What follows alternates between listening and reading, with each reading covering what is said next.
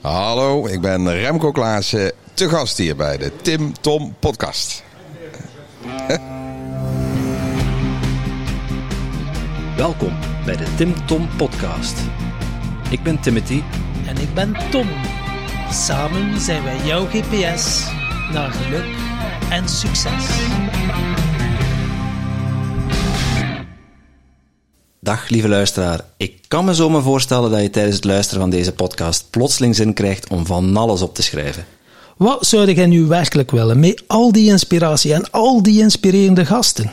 Maar dat is nogthans helemaal niet nodig. Oeh, dat is niet nodig. Hé, hey, kan ik dat niet allemaal niet onthouden? En uh, wie gaat dat opschrijven voor mij? De kaboutertjes misschien? Nee, maar dat hebben wij al voor jou gedaan. Surf naar www.timtompodcast.com en daar vind je een blog boordevol tips en wijze inzichten van onze gast. En als je er dan toch bent, download dan meteen ons gratis e-book vol boekentips, luistertips en nog meer inspiratie voor jouw persoonlijke groei. Ja, Tommeke. We zijn weer in Nederland. Mm en, Inderdaad. Uh, ja, in het Van der, Valk, Van der Valk Hotel in Eindhoven. Zijn uh, gisteravond al moeten vertrekken om hier op tijd te kunnen zijn. Inderdaad, en uh, ja, het, was wel, het is natuurlijk wel de moeite, hè, want uh, het is toch een die oog op ons verlanglijstje staat. Uh, na Erik Verhagen was dat toch iemand, die is trouwens ook voor de belichting, de weerkaatsing van het licht, van een, een, een kale nodig. En Erik heeft hem toch opgeofferd, dus dankjewel daarvoor, Erik. Ja, ik heb er nooit in een naprogramma van jou gezeten. dus, ja, Erik kent onze, onze gast van vandaag ook. wij hebben hem ja, een jaar of drie, vier geleden leren kennen via andere podcasts. Allee, ik toch? En uh, jij bent helemaal verslaafd aan zijn boek, Tom. Ik, uh, ja, ik wou ook een poging waren op podium. En uh, dan kwam verbaal meesterschap op de proppen. En ja, ik ben ook opgeleid als hypnotherapeut. En die een boek staat vol tips en tricks. hoe dat je een publiek kunt begeesteren. En ja, als je Remco bezig hoort, heel bevlogen. En je hangt aan zijn lippen. En dachten we, die kan niet mankeren in onze podcast. En hier zitten we dan. Ja, laten we vooral niet te veel zelf babbelen, maar het is aan, uh, aan Mr. Remco Klaassen himself vragen. Wow. Wat een introductie zeg. Ik kan alleen nog maar tegengevallen nou. De druk op mijn schouders. Ik vind het een eer om hier te zijn. Hartstikke leuk uh, om jullie te ontmoeten. Ik, ik, snap nu pas Tim Tom. Omdat je net GPS in de... Het is de Tom Tom voor mensen. Ja. Sorry, ik uh, ben ja, uh, wat, la wat, laat. Land nu pas. Ja, het kan ik ook. denk dat er heel veel luisteraars ook pas achterkomen. oh, is dat het? Alright, wat gaan we doen jongens? we gaan een beetje podcasten, een beetje praten. De tijd vullen. Bon. Maar we starten eigenlijk met de vraag van de vorige gast. Ja. Om er gewoon uh, het gemak oh, dat is een kettingvraag. Uh, ja, kettingvraag. Inderdaad. En uh, Nicolien, die uh, had voor jou de vraag... Wat heb jij in je leven mogen leren wat je door mag geven aan de kinderen van nu? Oh mijn god, dat is een mooie opening. Wat doen jullie morgen? ik denk dat we... we hebben alle tijd. Nou, het, het, punt is dat ik er vol in zit om naar de jeugd toe uh, een vertaling te maken. Ik heb denk ik een kwart eeuw nou hoofdzakelijk management, directie, dus bestuurders getraind. Uh, dat is ook niet strategisch of doelbewust. Dat is zo gegroeid omdat ik ooit in het uh, voorprogramma van Stephen Covey ben geweest. Dat is toch het leiderschapssegment. Maar de laatste jaren heb ik een enorme passie om het juist naar de jeugd te vertalen. Omdat ik eigenlijk stevast hoor door alle jaren heen van waarom heb ik dit niet 20, 30 jaar eerder gehad. Dus dan heb je managers, hè, 45 plus vaak, en die komen erachter van hé, hey, ik heb zo, zoveel geleerd, maar het meeste niet. En dat juist dat niet heeft voor mij de meeste waarde in mijn leven. Dus wat wil ik doorgeven aan mijn jeugd? Eigenlijk de hele boekenkast, maar dan vertaald naar uh, de, leeftijdsgroep toe. Daar zitten we nu middenin. Dus ik ben uh, aan het proberen naar het onderwijs te groeien. Uh, niet dat ik dat executive segment loslaat. Ik vind het wel leuk want die hebben, daardoor heb ik weer meer impact in organisaties. Hè? Als je de bestuurders uh, een duw kunt geven, hebben daar meer mensen plezier van. Maar doorgeven aan de jeugd. Oh, ik wil te veel praten. Uh, ik denk dat het belangrijkste wat ik heb meegekregen van de goeroes waar ik het van gejat heb, is ontdekken dat je verantwoordelijk bent voor je eigen beslissingen. En dat de richting waarin je moet beslissen te maken heeft met je kwispelstaart.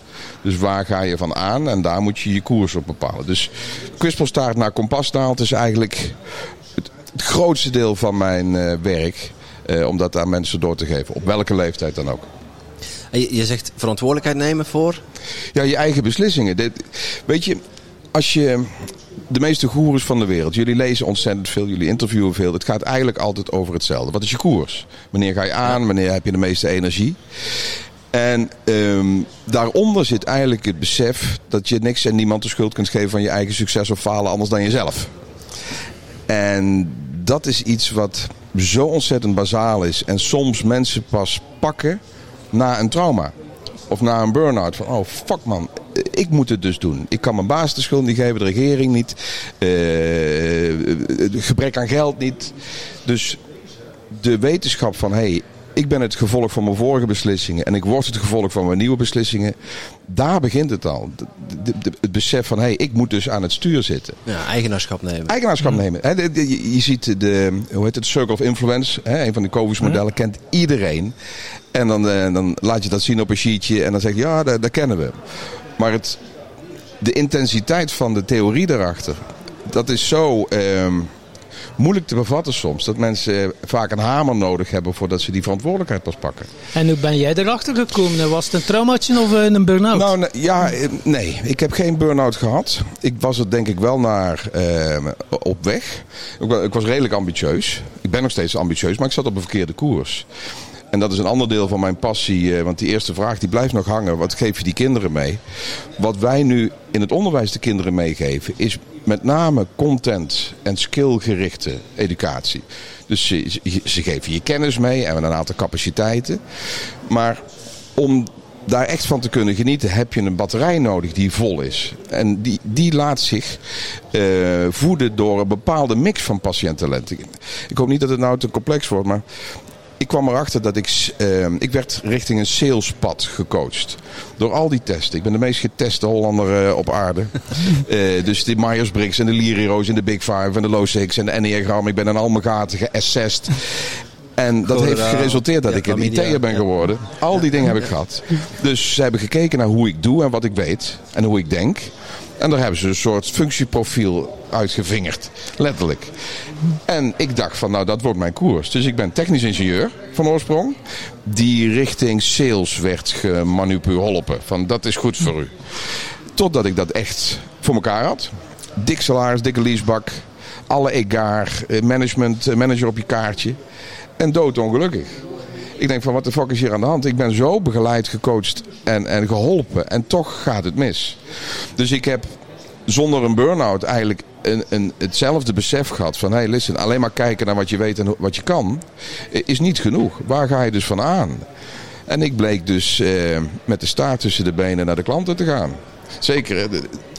dus toevallig dat België. Dat vind ik wel leuk om dat in deze podcast te vertellen. Een van mijn meest pijnlijke confrontaties met de verkeerde koers was Alcatel Bell. Ik moest daar uh, naar een uh, softwareuren verkopen, softwareprojecten. Dus ik kwam daarbij een corporate purchaser, dus een inkoper in België in de IT. Nou, die drie dingen. Inkoop. Weet je wat inkopers zijn? Ja. Dat zijn verkopers zonder sociale vaardigheden. ja, dat zijn inkopers. In de IT, in fucking België. Dus het hele autistisch spectrum zat in één persoon. En die moest ik dan blij maken en uh, softwareuren verkopen. Ik, ik keek er tegenop. Ik vond het tijdens vreselijk en ik was blij dat ik er vanaf was dan heb je in anderhalf uur tijd tien hints van eh, klaar als je je spoort niet. Je kan het misschien, maar het is niet waar je van aangaat. En dat was voor mij zo'n sleutelmoment uh, van hey, uh, uh, dit, wordt het niet. Dus iets kunnen en iets veel kennis hebben in een bepaalde richting is bij lange na niet genoeg. En misschien is dat nog een beter antwoord op jouw eerste vraag. Wat wil je kinderen meegeven? Gewoon koersbesef van de, waar ga je van aan? Wat, wat geeft je energie? Waar ga je van kwispelen? Nou ja, kwispelen is mijn metafoor. Ik hou van uh, visuals. Dus je kunt het hebben over introspectie en directie. En nee, het is gewoon, wat de fuck ga je staat van aan? En, en go. Ja. Dus ik vind het ook wel leuk dat je, dat je net, net zei van uh, het acroniem met de, met de kompasnaald. Uh, dus wij, zeggen Tim Tom podcast, jouw GPS naar geluk en succes. Dat was exact. voordat we überhaupt begonnen aan, aan onze zoektocht. Ja. Uh, maar het is helemaal geen GPS natuurlijk. Het is niet dat je er een, uh, in je leven gewoon een, een bestemming in gooit en dan nee. uh, dat het kastje zegt waar je naartoe moet. Nee. Ik, ik geloof ook niet dat geluk een, uh, een eindbestemming is. Het is gewoon hoe krijg je bij elke minuut van de dag voel je het fijnst. En Eh, want het, het heeft ook nog een sociaal aspect. Daarom schoot ik even in de stress bij die ene vraag. Want het heeft zoveel componenten. Ehm, dus goed in je vel zitten is denk ik het belangrijkste in het hele leiderschapskennisdomein. Hoe haal je het best uit jezelf? Maar dat maakt nog niet dat je een duurzaam gelukkig leven leidt. Aan het einde moet er ook nog zoiets komen als een omslag van jouw passie-talent-mix naar waarde. Dus als je goed in je vel zit en de manier waarop je goed in je vel zit geeft ook nog eens veel waarde voor anderen, dan heb je een sustainable business. Ik heb eh, voor de vakantie eh, had ik met mijn zoon een gesprek eh, over, over koers en over kwispelen. En toen kwam eh kwispelgoud ineens naar voren. Het, was, het landde gewoon in één keer. Dus ik had een quote gemaakt. En ik, Kwispelgoud. ik was trots op mezelf, dus dat is wel heel eh, sneu. eigenlijk. ik zei tegen Joris: het beste wat je kunt doen is dat vinden wat je gratis zou willen doen. En dat zo goed doen dat anderen er geld voor willen geven. Wauw. Ja. En dan is volgens mij die hele boekenkast eh, in één keer eh, bij elkaar. Wat zou je voor gratis en voor niks doen? Hier, eh, hè, flitsscherm spelen met een kale kop. ja, daar zijn, daar zijn geen beelden bij. Moet staan. Ja, Ja? Oh, de cameraman is En als je daar zo goed in bent, krijg je er geld voor. Fucking hey. Sorry, ben iets te blij met mezelf nu. Maar eh, dat, dat is, eh, ik wil ze kwispelgoud geven. Jong en oud. Ja, dat klinkt ook prachtig. Prachtig gezegd ook. Eh, wij, wij voelen dat ook. We hebben heel lang zitten, zitten zoeken naar van, oh, en hoe, kunnen we geld verdienen? En Ja. de podcast is gratis. Wij doen dat gewoon gratis. Wij krijgen daar niet voor betaald. Totdat op een gegeven moment ga je zoeken van op wat voor manier kunnen we, kunnen we daar toch nog iets uithalen. Want we Ja. steken er heel veel tijd en energie in. Ja. Totdat we erachter kwamen dat mensen ons ervoor wilden betalen. En niet, niet voor deze gesprekken, maar voor eh, eh, ja, mensen te helpen om een podcast te starten. Of Ja. om een podcast op te nemen voor iemand. Kijk, Ja, in principe is het allemaal niet. Ja, het, het klinkt misschien makkelijker dan het eh, te realiseren is. Als, als je een oplossing bent voor andermans problemen, heb je je hele leven werk. Als de manier waarop je die oplossingen aandraagt in lijn ligt met je kwispelstaart, heb je je hele leven leuk werk.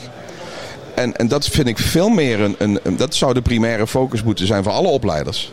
Op alle leeftijden. Wa- waarom pas op executive level? Dat is toch triest. Ik, ik heb vijf jaar HTS gedaan. HTS is bij jullie hogeschool, denk ik. Hè? Net onder universiteit heet dat. Ja, ja, hogeschool, ja. En eh, nul minuten remcoologie. Nul minuten social skills. Communicatieve communicatieve skills. Moet je proberen. dat niet uit kunnen spreken. Eh, spreekvaardigheden. Dat schrijf je in een boek verbaal meeschap. Krijg je nog niet eens uitgesproken. Oké. Maar gewoon nul minuten. Dan word je voorbereid op de arbeidsmarkt. Ik heb alleen maar bitjes en bytes in mijn kop. Helemaal niks. Dus je kan programmeren. Maar voor de rest... eh, Ja. En eh, je zei Stephen Covey, dan eh, kwam die ineens op je pad? Of, Ja, ik, ik denk dat een van de, een van de allereerste besmettingen in het groeisegment was Awaken the Giant Within, de, de dikke pil van Tony. Tony, ja. Tony Robbins, jullie Ja, doelgroep ja, kennen die natuurlijk. Tony. daar is het mee begonnen. Eh, volgens mij heb ik in mijn IT-tijd, eh dat is wel leuk om dat een keer te noemen, Pieter Verberner was een collega eh, destijds. En die kwam met, volgens mij, je ongekende vermogens. Is dat Tony's Ongekende eerste boek in vermogens. Nederland? De, Ongekende vermogens is eh wat ja, dat, Tony... je had Ja. Awaken the Giant Within, Stap in je grootsheid. Ja, maar En ik je denk had- dat ongekende vermogens er nog iets voor kwam, hè? Ja, Of- precies. Ja, hè, en dacht, toen ja. kwam NLP op mijn pad. hè? Ja. Want het is eigenlijk alleen maar NLP. En, eh, Ja, of klopt. NAC had Ja. hij, hè? Neuro Associative Conditioning of iets. Toen denk ik, dacht ik van, hé, hey, dat is leuk. En ik zat toen bij een bedrijf met eh, bizar veel opleidingsbudget. Eh Eckhart Winsen bij BSO.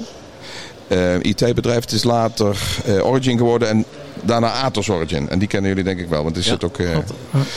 Ehm, wij moesten naar school, terwijl het een IT-detacheerder was.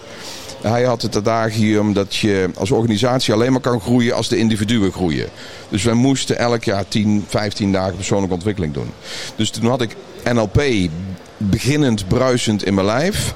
Tony en een cassettebandje van Stephen Covey. Van de, The Seven Rabbits of Highly. Defective People. eh. En eh, toen is het ja, alleen maar gekker en gekker geworden. Ik, ik ging zo ontzettend aan. Want ik ben nooit zo'n lezer geweest. Eh, en toen wel. En ik heb van mijn auto een bibliotheek gemaakt. Alleen maar cassettebandjes van, eh, van Tony. Maar ook Wayne Dyer en Joseph Murphy en Norman Vincent Peale. Al die oude Ochman Dino, eh, Zig Ziglar. Toen is het helemaal ontploft.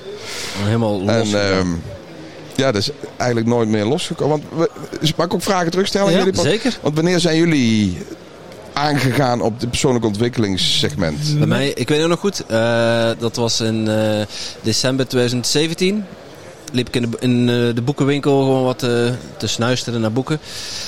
Op zoek naar een kerstcadeautje en ik zag een heel felgeel boekje liggen van Brian Tracy. Eat That Frog. Ja. Gekocht, Ja. gelezen, niks mee gedaan.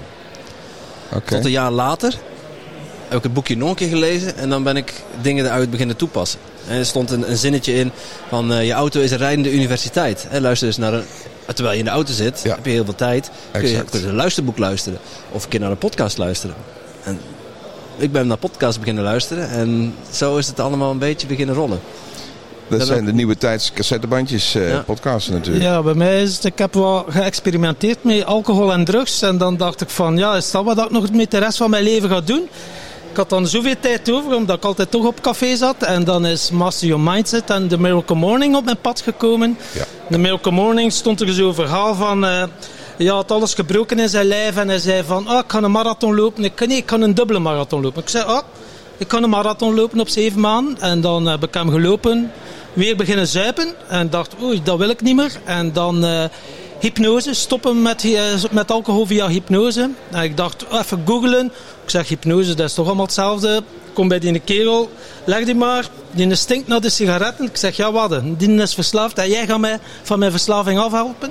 En dan ben ik in Nederland eh, bij Martijn Groendal en Edwin Selei. Edwin. En dan, ja, die hebben we ook trouwens in onze podcast gehad. Gisteren aan de lijn gehad. Oké. Ja, we gaan, eh, ik ga verbaal meesterschap doen voor zijn trainers. Oh, wauw. Over een Ja, paar weken. eh, Eh, Volgende week trouwens. Oké, ja, ongelooflijk. En dan heb ik van mijn shit mijn mes gemaakt. En ja, help ik mensen van hun verslaving af via Oh, hypnose en NLP, master. En, ja, gaan ze de rimram en dan ook blijven consumeren. Maar dat is ook een valkuil. Hè? Als je blijft consumeren, Ja. die persoonlijke groeiontwikkeling, dan... eh, De vraag, de vraag van Remco was wanneer is het, het ah, persoonlijke 2000, eh, ontwikkelingspad begonnen? Oké, ja, 2018. ja.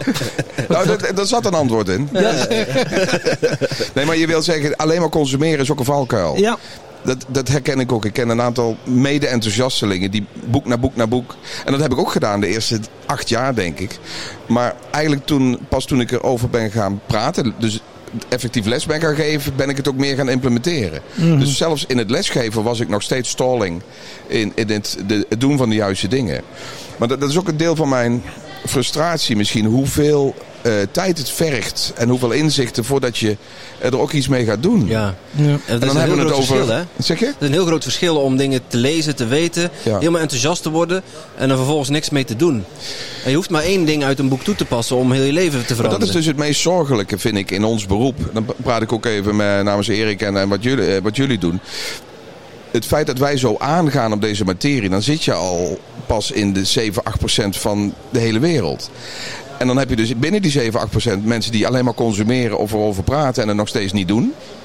Ja, dus, ik vind het zo jammer hoe, wat, wat voor een klein percentage het goud er letterlijk delft uit al dat moois wat erin zit.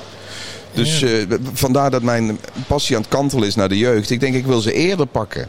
Waarom een directeur van, van 55 na een burn-out en een tweede scheiding voor het eerst pas naar zichzelf gaat kijken? Dan heb je al de helft van je leven verkloot.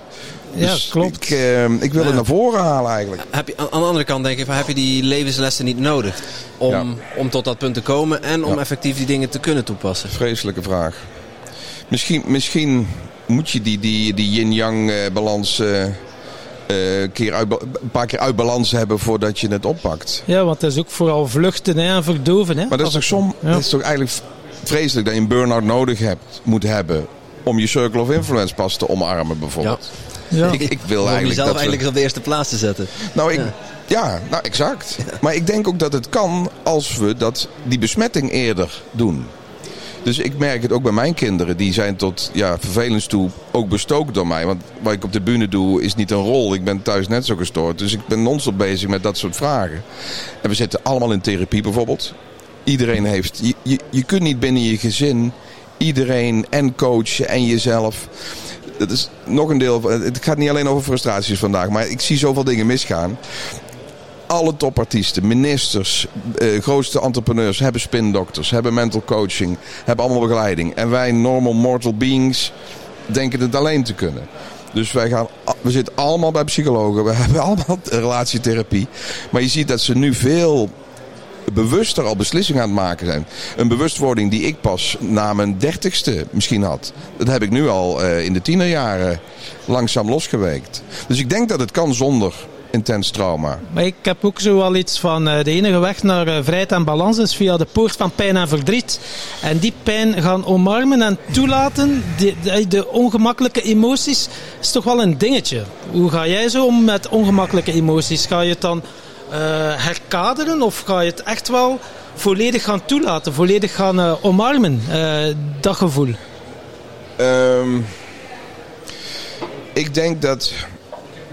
Weet je, zoals wij. Ik praat, ook even namens jullie. Ik, denk dat wij graag mensen helpen groeien en het beste uit hun leven.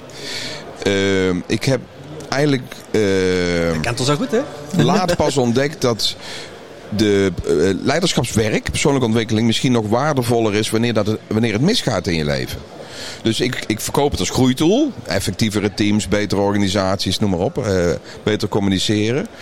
Maar ik denk dat een het, werk wat wij doen ook een extreem vangnet kan geven als de shit hits the fan. Dus bijvoorbeeld uh, op jouw vraag, wat doe ik met, hè, ga ik erin hangen? Corona was voor mij een hel. Want ik ben een, een performer. Ik, ik heb uh, dat online. Je hebt dat podium nodig. Ja, ik ben niet aangegaan uh, binnen Teams en uh, streaming. Dus ik heb overleefd. Ik heb ook gewoon netjes verdiend. Want de, de vraag bleef eigenlijk constant, alleen de vorm veranderde. Maar ik liep er gewoon op leeg. Dus ik heb echt existentiële vragen gehad van wat moet ik hiermee? Maar dan, wat je dan doet is dan, dan ga je dus weer naar je kompas kijken. Dus je vision board, mijn leefregels, mijn missie, alles wat ik heb. En dan ga je toch weer die koers terugvoelen. En dan komen er vanzelf een nieuwe beslissingen uit. Dus mijn focus uh, naar meer onderwijs is toen uh, echt tot volle uh, bloei gekomen. En daar heb ik nu dus weer kwispelgoud van. Dus um, ik denk dat ik ook minder lang in uh, verdriet of frustratie blijft steken, juist door, door die tools het GPS-werk. Ja. mm -hmm. Met slecht weer heb je nog steeds, heb je misschien zelfs meer aan je tomtommetje. Aan Tim Tommetje in ons ja. geval dan.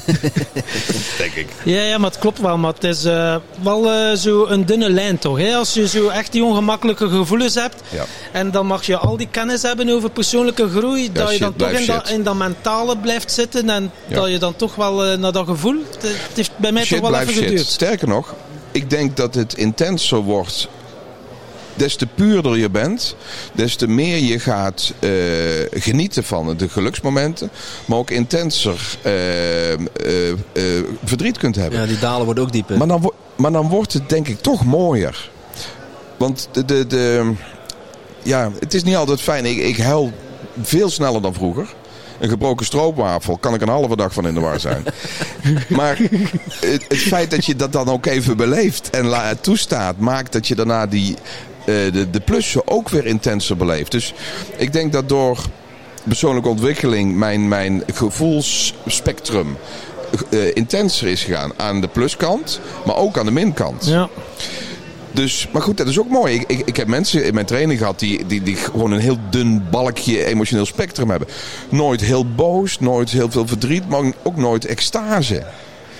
En, en um, ja, ik denk dat het werk wat wij doen niet alleen mensen meer in hun kracht zet, maar dat het, de, de, de beleving van het leven aan zich ook intenser en voller wordt. Ja, in onze podcast wordt wel eens vergeleken met de, de monitor van een, uh, uh, van een hartslag. Dat als je, als je je hartslag aan de monitor hangt, dan gaat hij ook op en neer.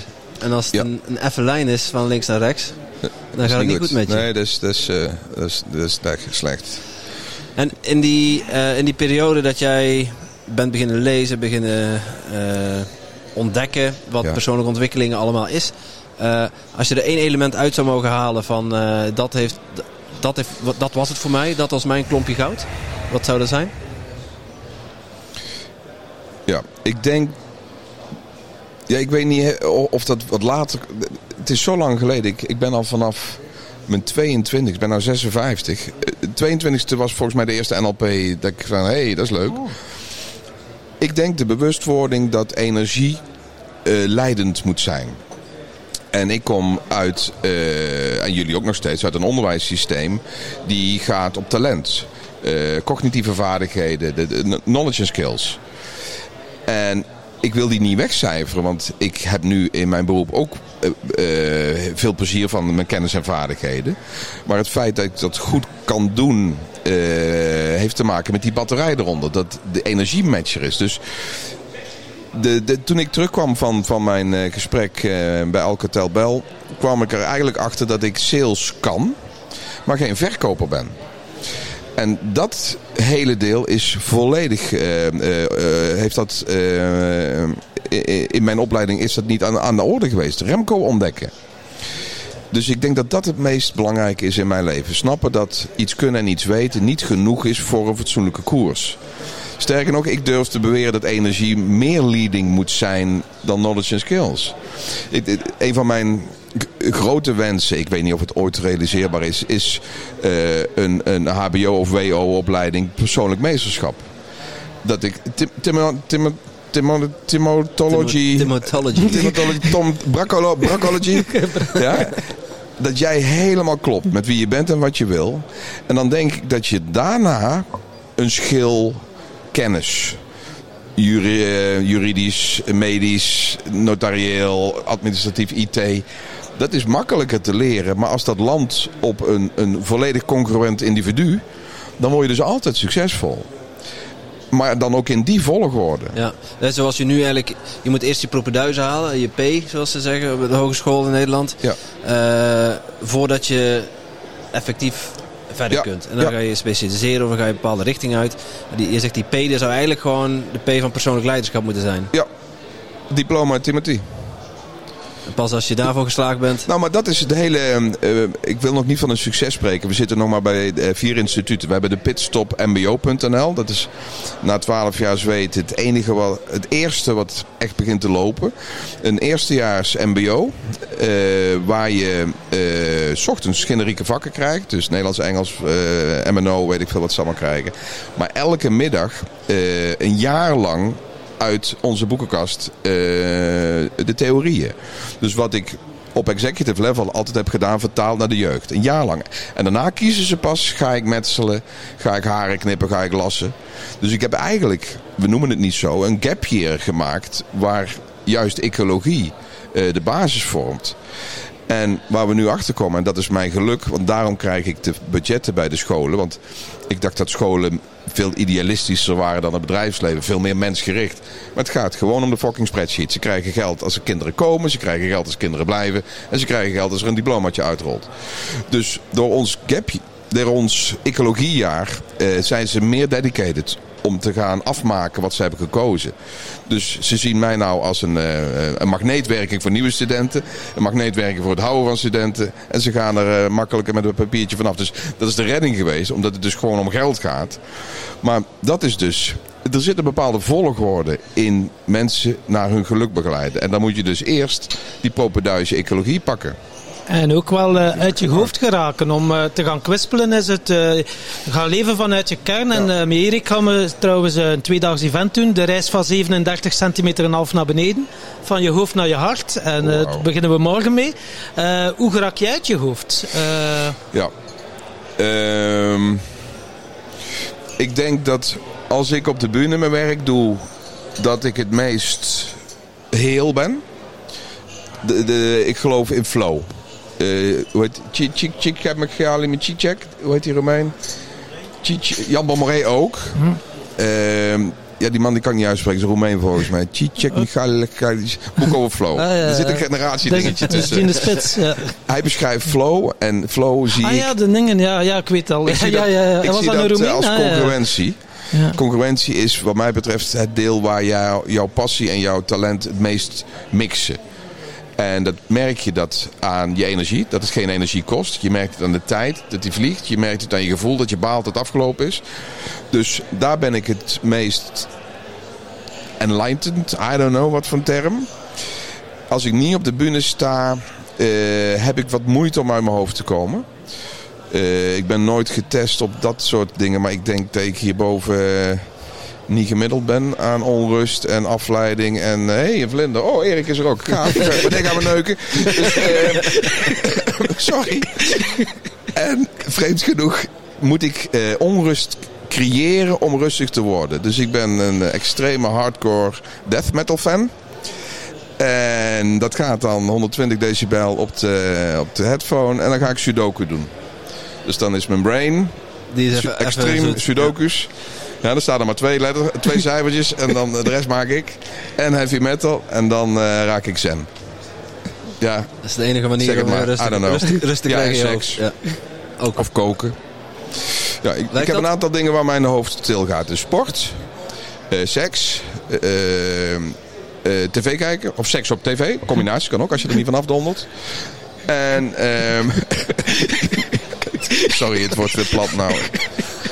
Ja, met die flats, Met met die flatscreens is dat wat lastiger geworden. Ja, nee, ja, je kunt ze plat leggen. Ah, ja, ja, ja.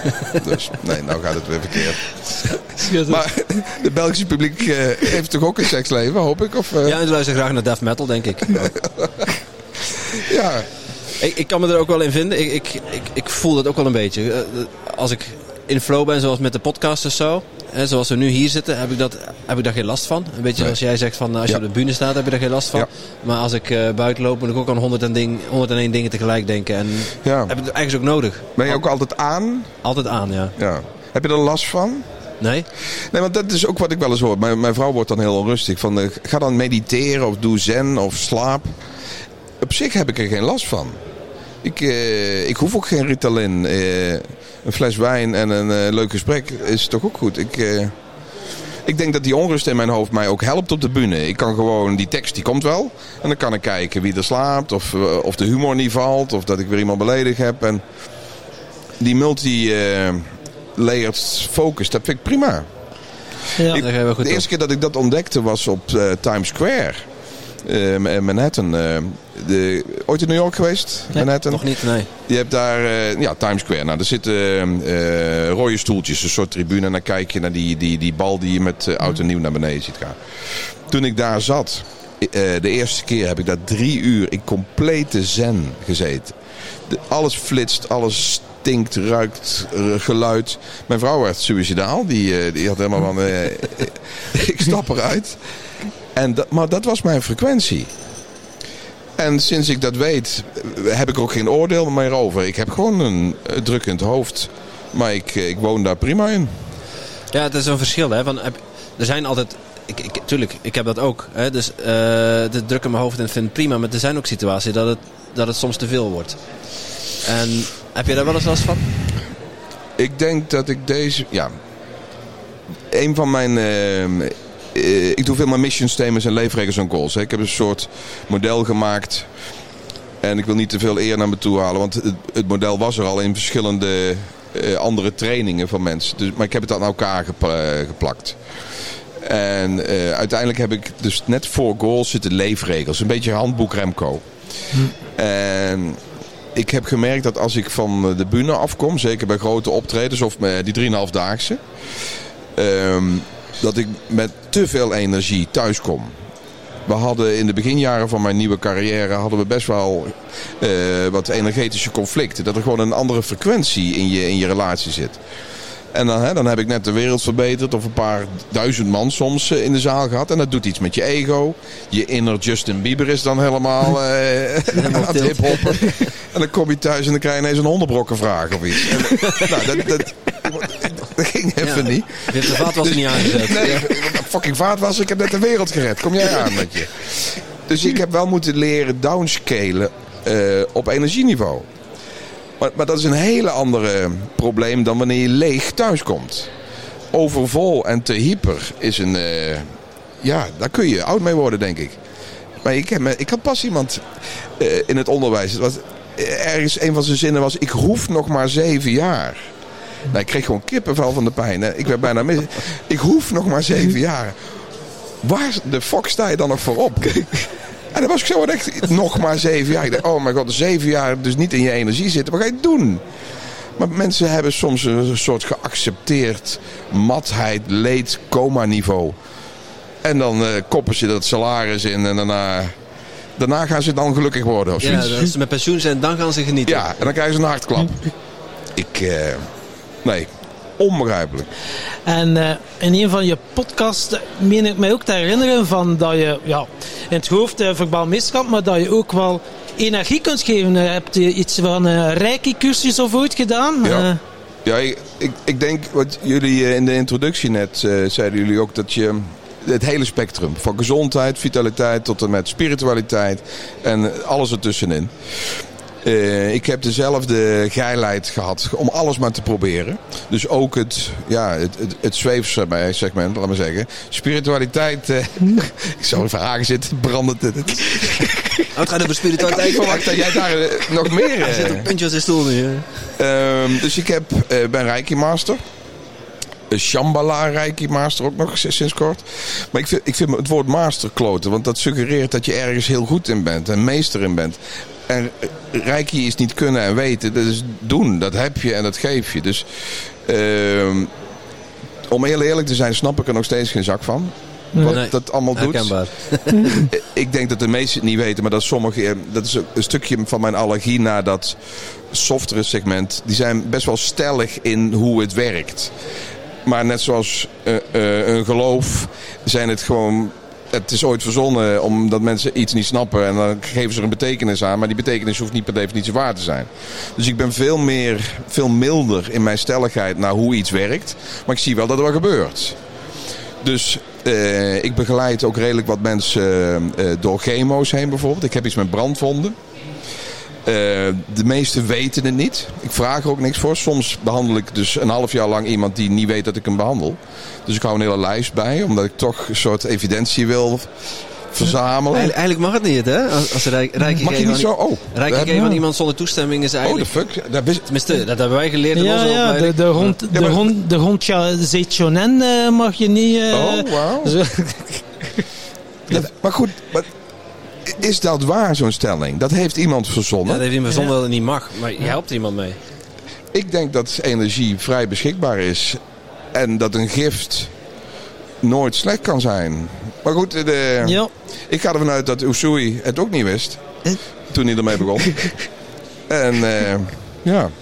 Maar dat, dat soort dingen Ja. probeer ik dus ook uit. Maar eh, ja, ver- verbaal meesterschap, zo heb ik jou ook leren kennen. Eh, jij weet ook je boodschap zodanig kernachtig te geven Ja. dat mensen het wel blijven onthouden. Dus eh, daar wil ik wel eh, iets dieper op ja, inzoomen. graag. Leuk. Ehm, dus als je op een podium staat, is het wel leuk als mensen eh, buiten eh, de zaal eh, gaan, dan ze het onthouden hebben van wat dat je hebt gezegd. En jij hebt gezegd, ja, het is belangrijk, de, drie dingen of zo, maar ik ben ze nu even vergeten. Ze moeten iets, ze moeten iets doen, iets laten. Laat of nooit en- meer vergeten.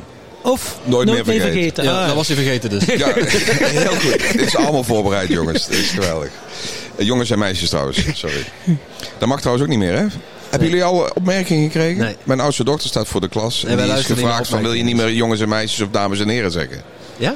De tering. Gaan we het straks nog over hebben. Hoe we daar eh, Ongelooflijk. met al die nieuwe... Oké. Ehm, eerste wat ik wil zeggen over verbaal meesterschap is dat ook in de modules die ik breng. Dus ik heb eigenlijk mijn 3,5 daags is mijn monsterproduct. Dat is eh, de, de, de, de P, de propenduizen jezelf worden. De 3,5-daagse... pers- eh, Eh, effectief leiderschap, ja, de essentie van leiderschap heet die. Dat is de basis. Want ik denk dat als mensen congruent zijn, dus die passie-talentmix, die batterij en die skills, als dat klopt, dat ze altijd al inspirerend zijn. Al stotter je, al heb je nul kennis van de technieken van verbaalmeesterschap. Mensen die kloppen, zijn altijd enerverend. Die hebben, charisma is denk ik een belangrijk aspect van eh, een zaal kunnen pakken als je charisma combineert met een shitload aan technieken, dan ga je echt scoren. Dan kun je dus mensen 12 uur lang eh, bezighouden. Dat is meesterschap bij denkproducties. Daar hebben ze mij gepusht om gewoon anderhalve dag in een dag te proppen. Maar dat is een heerlijk dankbaar eh, proces. Want tijdens de dag bewijs je dat het kan. Ik heb eh, het meest irritante publiek. Misschien na deze podcast niet meer. Als ik dat zijn mensen die ergens naartoe moeten. Nou, nee, ik heb. eh, Denkproducties is 1000 euro per persoon per dag. Dat is het topsegment qua seminars.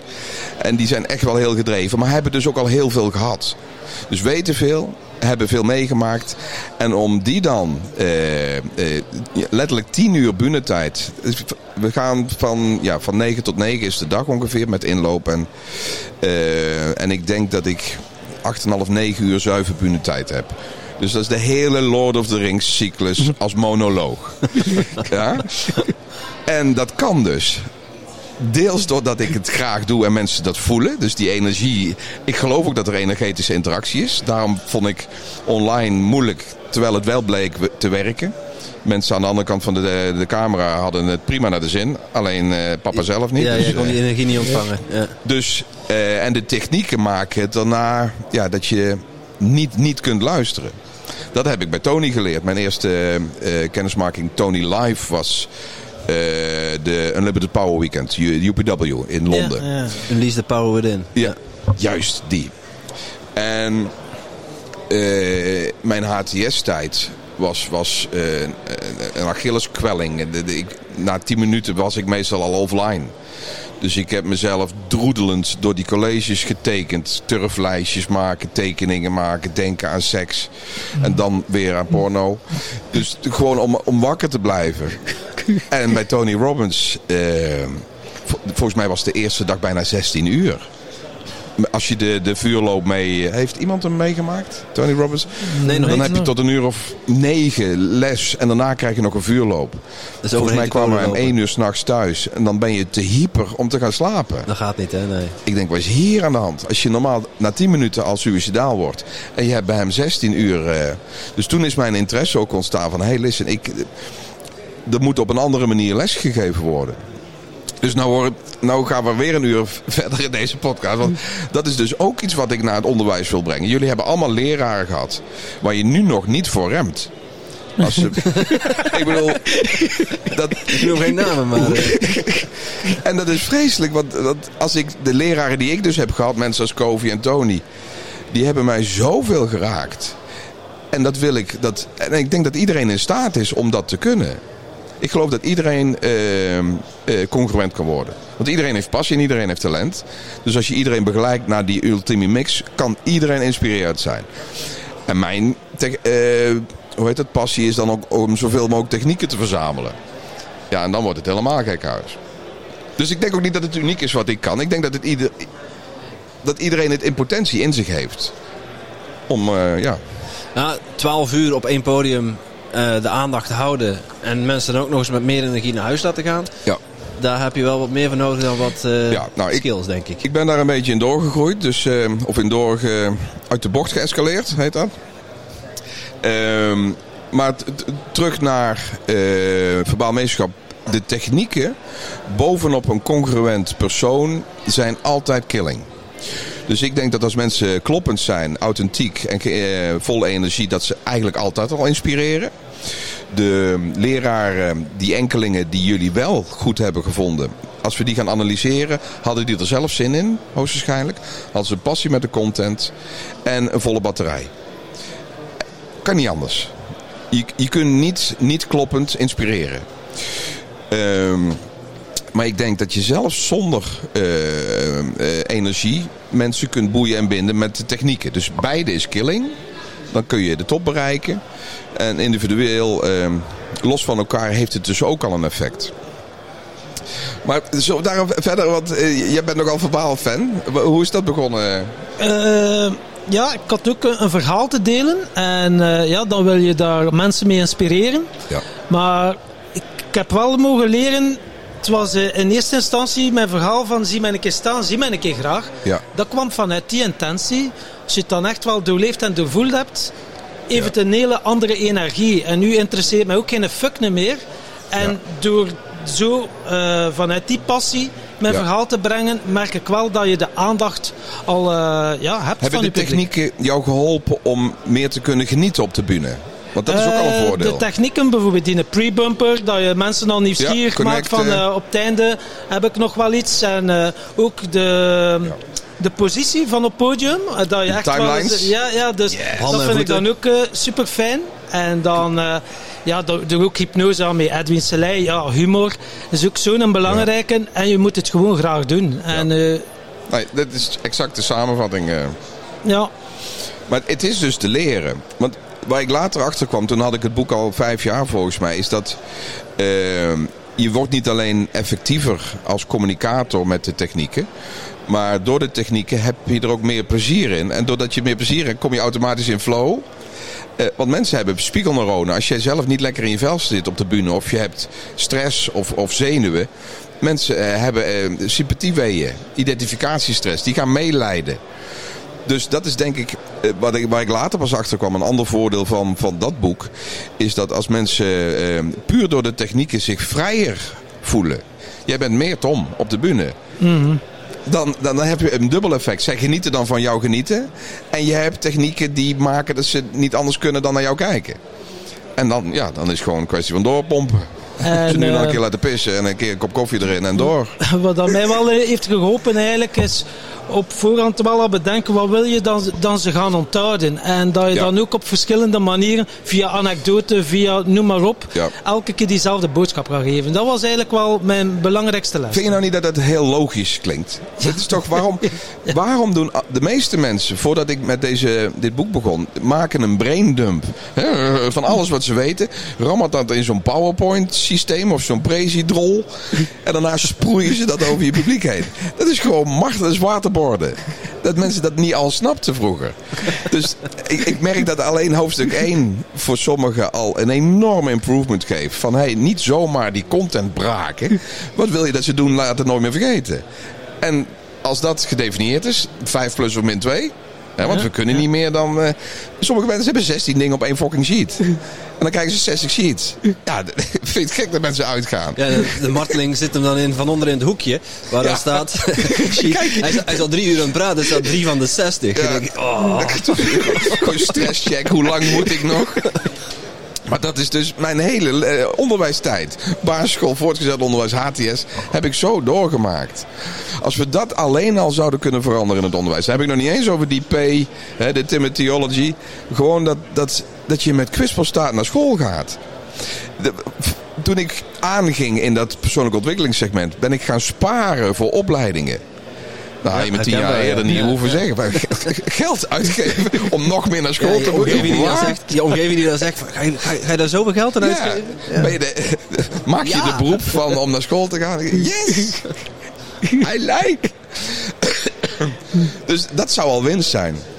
Maar eh, even als terugvraag. Het is dus te, te leren, toch? Want Het is te leren en eh, je, je, weet het, je beseft het pas als je de interactie met het publiek krijgt. En je voelt het ook. Ja. Als de, de mensen aan je lippen hangen, Ja. dan heb je zoiets van wauw. Ja. En uiteindelijk, vanaf dat je in die forceermodus gaat, dan, ja. ja, dan ben je het even kramp en kwijt. stress geeft nooit iets moois. Dat, maar dat is...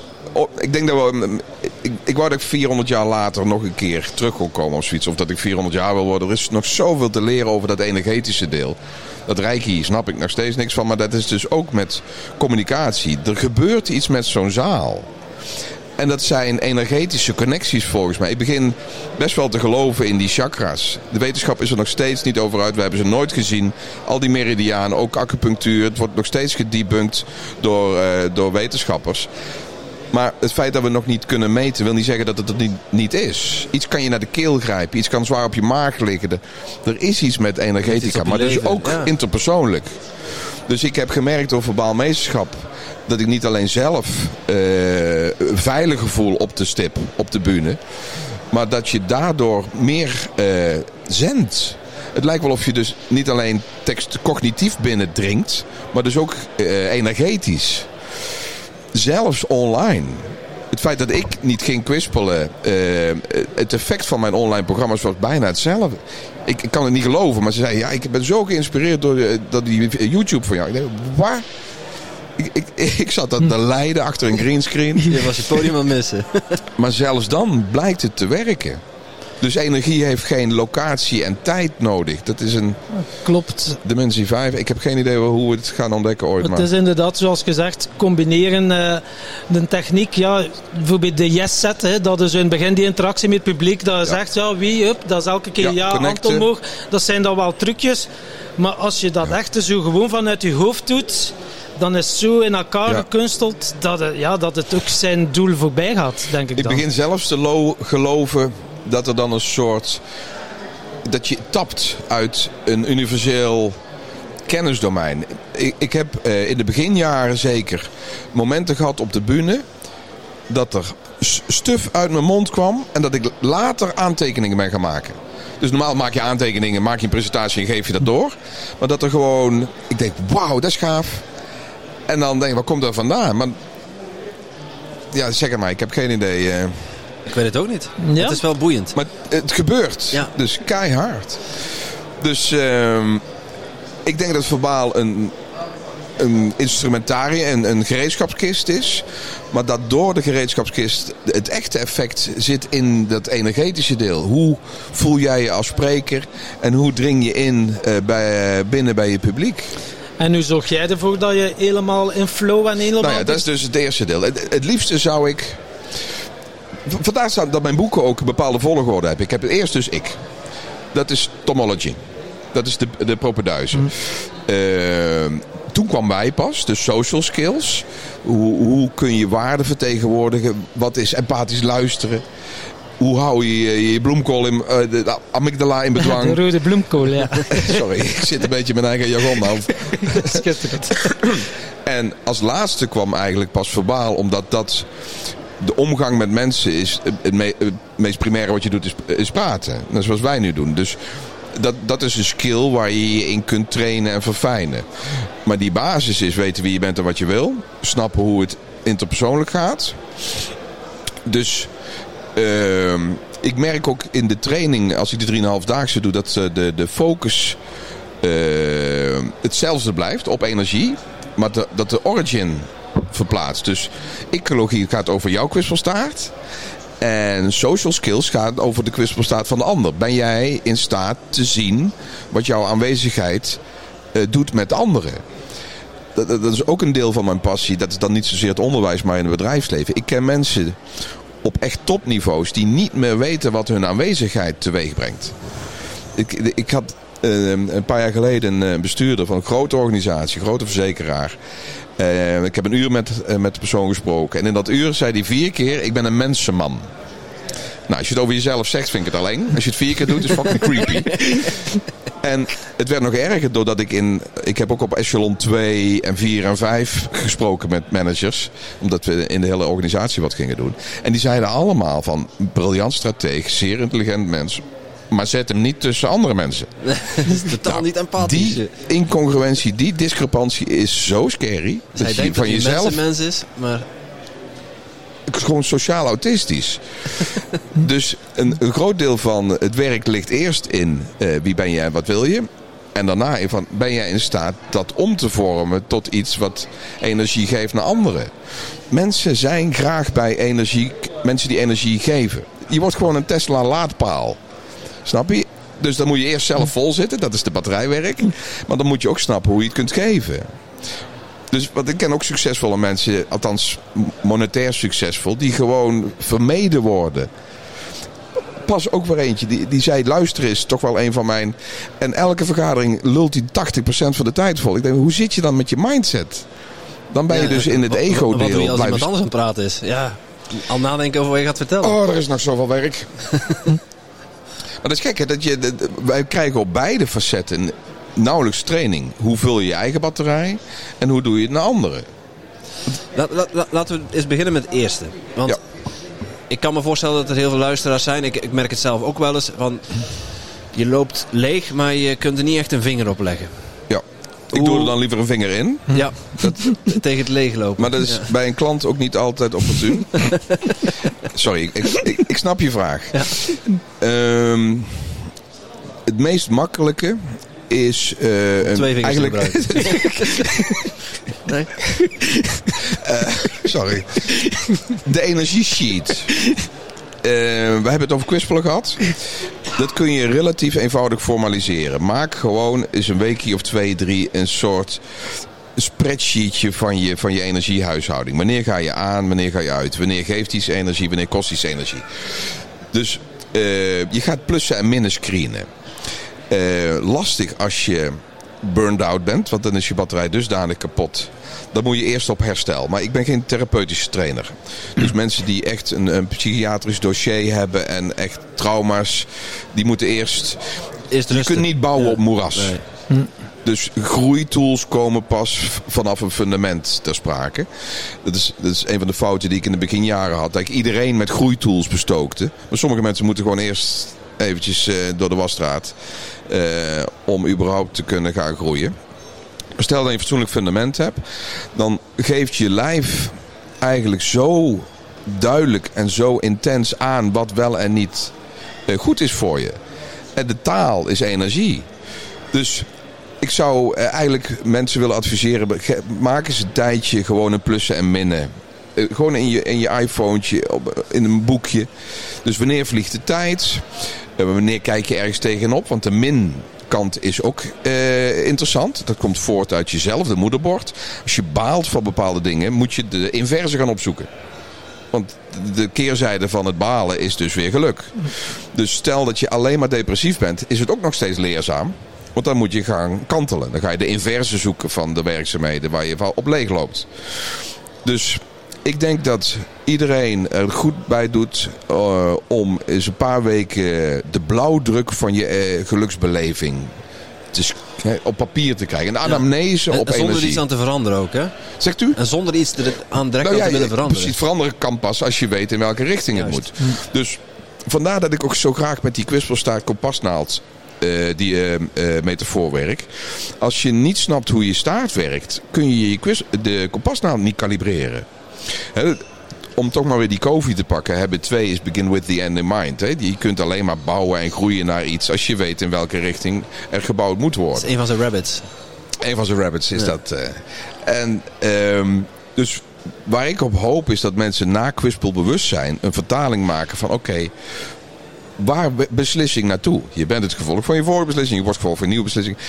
Als je een goed kompas hebt, worden alle beslissingen die je maakt, kun je congruenter maken dan eerst.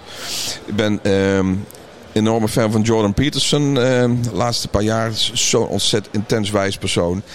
En die zegt, we moeten ook uitkijken met te groot en te veel vooruitkijken. Dat kan alleen maar voeding geven voor nog, nog meer low self-esteem. Maar als je elke dag jezelf vergelijkt met de dag ervoor. Dus alleen maar jezelf een beetje beter maken dan, de, dan gisteren. Uh, dan heb je al een enorm groeipad te pakken. Ja, als je dat dan ook doet met een goed kompas. Ja, wij zeggen uh, 1% groei, 99% fun. Amen, motherfucker. Iedere dag 1%. 100%. Ja. Dus, uh, maar dan moet je dus wel weten in welke richting je die nieuwe beslissingen maakt. Dus kwispeldiagnostiek is de basis.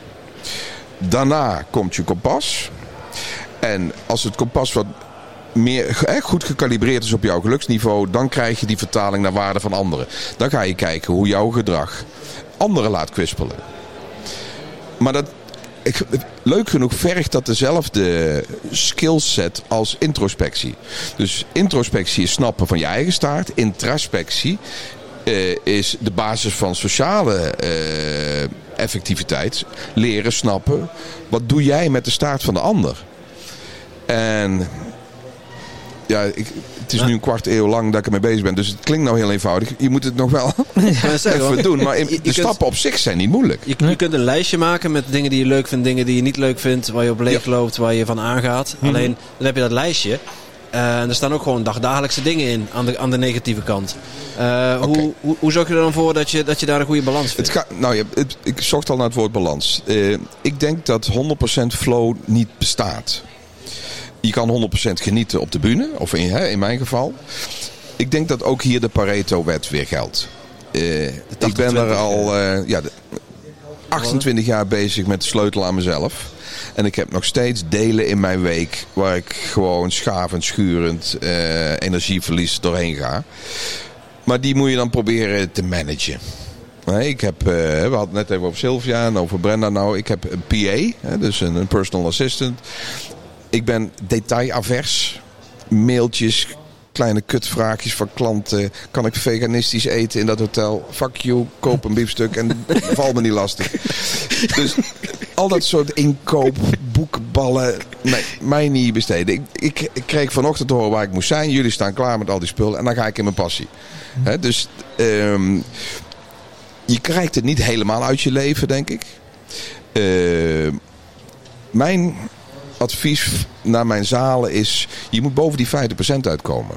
Boven de 50%? Ja, als, als, kijk, als een groter deel van jouw week energie kost in plaats van dat het oplevert, entropeert je batterij. Dan atrofieert je, je, je energiehuishouding. Dus je moet 51% is sustainable. 51, als je 49% leegloopt en 51% dan hou je toch nog een beetje over. Um, maar dat is heel dun. Ik, ik, ik, um, ik denk dat je pas van een gelukkig leven kunt spreken als je 65, 70 procent van de week kwispelt. Uh, en ik denk dat het toeneemt naarmate je ouder wordt. Dus dan moet je nog meer kwispelen, want anders ga je... Ik geloof ook heilig dat er een correlatie ligt tussen geluksbeleving en fysiologie. Dat lang genoeg niet in je vel zitten, maakt dat je vel niet meer zit. De, de, ik heb daar redelijk wat onderzoek ja, dat maakt je ziek. niet naar gedaan, maar gekocht. Uh, over... Uh, ik had een keer in de zaal had ik uh, neuropsycho-immunologen. Okay. Daar had ik er nog nooit van gehoord. Neuropsycho-immunologie. En dat is een studie letterlijk over wanneer word je ziek. En uh, hoe houd je je weerstand in stand. En lang verhaal kort gaat het dus allemaal weer over batterij. Het was, was een hele mooie proefopstelling. Ze hadden twee bakken ratten. Uh, DNA specifiek, dezelfde ratten. Eén bak had uh, weinig voer, genoeg om niet dood te gaan. Uh, weinig onderhoud, uh, veel omgevingsruis en mee aan een keer schudden. Stressbak. Andere bak, zelden ratten, voedsel en overvloed, feestverlichting, Viagra, uh, chesto muziek, partybak. Wat hebben ze gedaan? Ze hebben een, een vijand geïntroduceerd, een griepvirusje. Gewoon een influenzaatje, drie keer niks. bij beide bakken. En na zes dagen waren al de stressratten dood. En die andere bak was nog aan het feesten. Dus die zijn ze gaan interviewen. op zijn rats, I don't know, op zijn wetenschappelijk. Waarom, waarom ben ik niet dood? En die, die waren dus uh, wippie aan het maken en aan het dansen en lekker aan het eten. En dan heeft je lijf zoiets van, uh, ik ga door. Nou, dat is, dat is een hele simpele proefopstelling. Maar waar wij dus een hobby in hebben en een passie in hebben, mensen gelukkig maken, heeft dus meer consequenties dan alleen maar uh, succes of geluk. Het geeft dus ook een gezondheidsdeel mensen die lekker in hun vel zitten met een volle batterij zijn weerbaarder. Deepak Chopra beweert zelfs dat je vir virologisch, dus viraal, is dat het woord? Dat je beter tegen, zelfs beter uh, weerstand kunt bieden tegen virussen. Uh, ik durf het niet te beweren, ik heb dat onderzoek niet gedaan, maar ik geloof het wel. Ik, ik ben 24 jaar ondernemer. Ik heb nog nooit een dag gemist. Geen optreden, geen lezing, geen, geen pot. Niks. Ik word soms uh, misselijk. Maar dat heeft te maken met dranken dan. Te veel vreten. En dat doe ik dan in het weekend. Eén keer bijna een optreden gemist. Vier uur misselijk. Ik spoot aan alle kanten uh, de negativiteit. kwam uit mijn lijf. Ik zal het niet te expliciet maken. En ik heb uh, een uur gebeden uh, naar God bij de grote witte telefoon. Hè? Oh God. van een cursist, het Australisch spreekwoord. Calling God the, through the great white telephone. Oh God. En paracetamol erin. En uh, een hele dag les gegeven. Dus ik weet niet of, of ik een superlife heb ontwikkeld. Maar ik denk dat het gewoon komt van... Ik wil dat niet missen. En dan ga je gewoon door. En als mensen, zo'n zo onderwijzer die zegt ik hoef nog maar zeven jaar, die is ziek bij het minst of geringst. Puist op zijn reet, blijft hij thuis. Ja. Ja. Ongelooflijk. Maar dan ja, omdat hij ook niet kan, maar zijn lichaam niet, zijn lichaam niet aan kan. Amen. Ik denk dat dat allemaal correleert. Dan heb je zo nog de, de FOMO-mensen die pijzen van wow, ik moet hier alles meemaken uh, waar ik van aanga. Dat kan ook een valkuil zijn. Of is dat uh, bij jou, uh, heb jij er ja. iets op gevonden? Ik denk dat koersbepaling wel moeilijker wordt. Als je heel veel. Je kunt beter een savant idiot zijn. Ik kan heel goed uh, Lucifer stellen. En dat doe ik heel graag. Ga lekker Lucie vertellen. Maar ik ken, de mens, ik ken mensen die zijn, die kunnen projectleiding doen. Die zouden goed uh, uh, consultancy kunnen doen. Trainer kunnen zijn. Ik denk dat veel talenten hebben niet, leiderschap niet makkelijker maakt. Ja, ik weet het niet. verliezen. Hè? Ja, de creatieve De- de- generalist. De, FOMO, eh, ik denk dat je beter eh, kunt lezen. Zeker als je een bepaald niveau eh, wil bereiken. Beter kunt? Lezen, dus de- dedicated focus. In plaats van groot licht en alles maar proberen. Maar ik heb, het, ik heb er geen eh, andere inzichten op. Want ik ben gaan lezen omdat ik eh, zo ontzettend... Dat is het voordeel geweest van die sales tijd versus een lesje geven. Het was zo de andere kant van het spectrum. Met de ene ging ik helemaal uit en met de andere ging ik helemaal aan. Dus voor mij was het zo in, in your face dat ik dat moest gaan doen. Ehm, als dat niet zo evident is, wordt het misschien iets moeilijker om je kompasnaald eh Ja, er zijn heel veel dingen waar ik aan, van aanga. Ik vind het best lastig om, eh, om naar laser beam focus te, op te zetten. Ik heb, Ik heb- ergens, ergens ook die afwisseling nodig, denk ik. Maar goed, dat is dan voor jou ook een onderdeel van je kompas. Ja. Dat je kortcyclische uitdagingen inkoopt of verkoopt. Ja. Ik, eh, ik denk dat er niveaus zijn in passie. Ik ben helemaal wild van koken en eten. Toevallig gisteravond, ik sta weer helemaal op spanning. Zijn we naar Tribeca geweest. Twee Michelin-sterren hier. eh, van fucking fantastisch. En het, het koken heb ik dus ook. Ik vind eh zelfs de mise en place is al... Ik ben een bladehead. Ik hou van mooie messen. Ik vind snijden en eh, alles leuk. Maar als ik een restaurant zou eh, moeten beginnen... dan denk ik niet dat ik congruent ben. Dan wordt het moeten. Dus koken is een, een, een energi- energizer, een passiedeel. Maar niet genoeg voor de 80% denk ik. Eh, eh, Ik heb een inzicht nou. De, ik ben, omdat ik graag met humor werk... hebben vrienden wel eens gezegd... waarom ga je niet stand-up doen? Is dat niet nog meer je passie? En op een of andere manier is alleen maar de lolbroek uithangen niet eh, genoeg. Ik moet lol met preken. Daar zit het goud voor mij. Dus eh, ik denk dat... Ik kan beter aan Erik vragen. We, we lachen 3,5 daagse. 20% is humor. 30 misschien. We hebben heel veel lol. 30, 30, 30. Ja, de entertainment deel. Maar het is... Ik vind ook het preken geweldig. Als, als, als het intenser wordt en ik ben meer eh, de pastoor. Dus, eh, maar goed, dat, dat is weer dat, de kwispeldiagnostiek. En daar heb je dus wel die tijd voor nodig. En ook de, de pijndelen. Want als je je pijn niet snapt, kun je ook die fijn niet in kaart brengen, denk ik. Mhm, ja. Dus ehm, misschien is dat ook wel een mooi relativerend deel eventjes voor de podcast. Dat, eh, ik denk dat het tot nu toe allemaal logisch klinkt wat we zeggen. Maar het vergt wel wat tijd. Je, kunt niet in een half jaar herstellen van een burn-out en helemaal congruent je nieuwe levenspassie. Nee, nee. Ik, ehm, maar ik vind het ook niet erg, want het we- de weg ernaartoe is ook mooi. Zeker. Als je dat doet op een congruente manier, dan is het bouwen aan een beter eh, ecologie gebaseerd leven ook al leuk. De reis is ook gaaf. Dat is de valkuil. Hè. Je ziet al het eindresultaat Ja. en dan geniet je niet meer. Hè. Ik heb dat gehad met mijn marathon. Ja. Ik zag enkel de gouden medaille en dan die zeven maanden trainen. Heb ik eigenlijk niet genoten. En ik dacht, yes, de gouden medaille, dan gaat mijn leven veranderen. Ja, Ja. was dat eh, even eh ja, misonderschatting? Ik herken dit enorm. Ik, dit is ook iets wat ik probeer. Ik, ik probeer te inspireren, maar ik ben ook heel veel bezig met het afremmen. Eh, mensen die dan in, in die 3,5-daagse eh zo enlightened raken door hoe ik het geef. En dan ook allemaal trainer willen worden en coach. Of de, de, de, eh, de volgende week al ontslag willen indienen en een andere baan gaan. Het feit dat je zelf met een kapotte batterij zit. En je bent een, een week bij iemand die helemaal aan is. Kan ontzettend aanlokkelijk lijken. Maar stap niet in andermans gelukstrein. het is ook aanstekelijk, hè? Je zit zelf ook in die hoge energie en dan ga je naar Ja. huis en dan denk je dat je de wereld aan kunt. Dat is het gevaar van eh, mensen als Tony Robbins ook. Die staan daar zo te stralen. En dan denkt iedereen, dat wil ik ook. Dus ik word trainer. Maar het is een vreselijk beroep als je niet helemaal klopt. En je, je hebt de, de twee dagen espresso poep voor elke presentatie. De- Dan, dan ga je langzaam door het putje. Dus congruent worden is een persoonlijke reis die... Oh, ik wil te veel zeggen. Dat is ook het probleem met de jeugd van tegenwoordig. Die hebben zoveel bling, bling, fake succes input met, met eh, Insta, TikTok, die fucking Dubai miljonairs die er zitten te, te- te- met geld en auto's. Dat, dat wil ik ook. Maar dan krijg je een money drive en niet de concurrentiefocus. Dus ik denk dat het voor de jeugd nu nog moeilijker is om jezelf te vinden met zoveel geile afleiding. Want hoe kom je nou bij je kracht? Mensen die voor hun geld gaan, daar blijft het altijd werken. Mensen die gaan voor een passie, dan komt het of de hut binnenvliegen, of het maakt ze niet uit. En beide is gezond.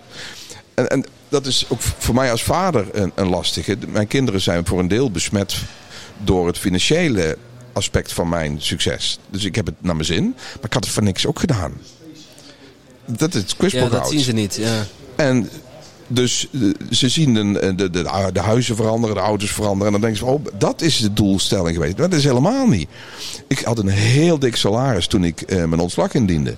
Dat was carry shit om dat eh, eh, eh, uit te, weg te wuiven. Eh, maar ik moest, ik moest leraar worden. Dat- alles wees erop. Het feit dat ik er later meer ben gaan verdienen, wist ik niet. Dat is cherry on top. Maar het had als ik eh, in mijn, eh, mijn huis destijds had kunnen blijven. Met een soortzelfde comfortlevel. Dikke prima. En dus ik denk dat het voor de jeugd nu eh, lastiger is om dat te vinden. Want je hebt zoveel verwarring. Jullie kinderen trouwens? Ik heb een zoontje van zeven maanden. Zeven, oh, je En die is nog vrij verward. eh. Ik, eh, Slaap je? Gaat het oké? Ja, gaat prima, slaapt helemaal lekker door. Ah, fuck you. Ja.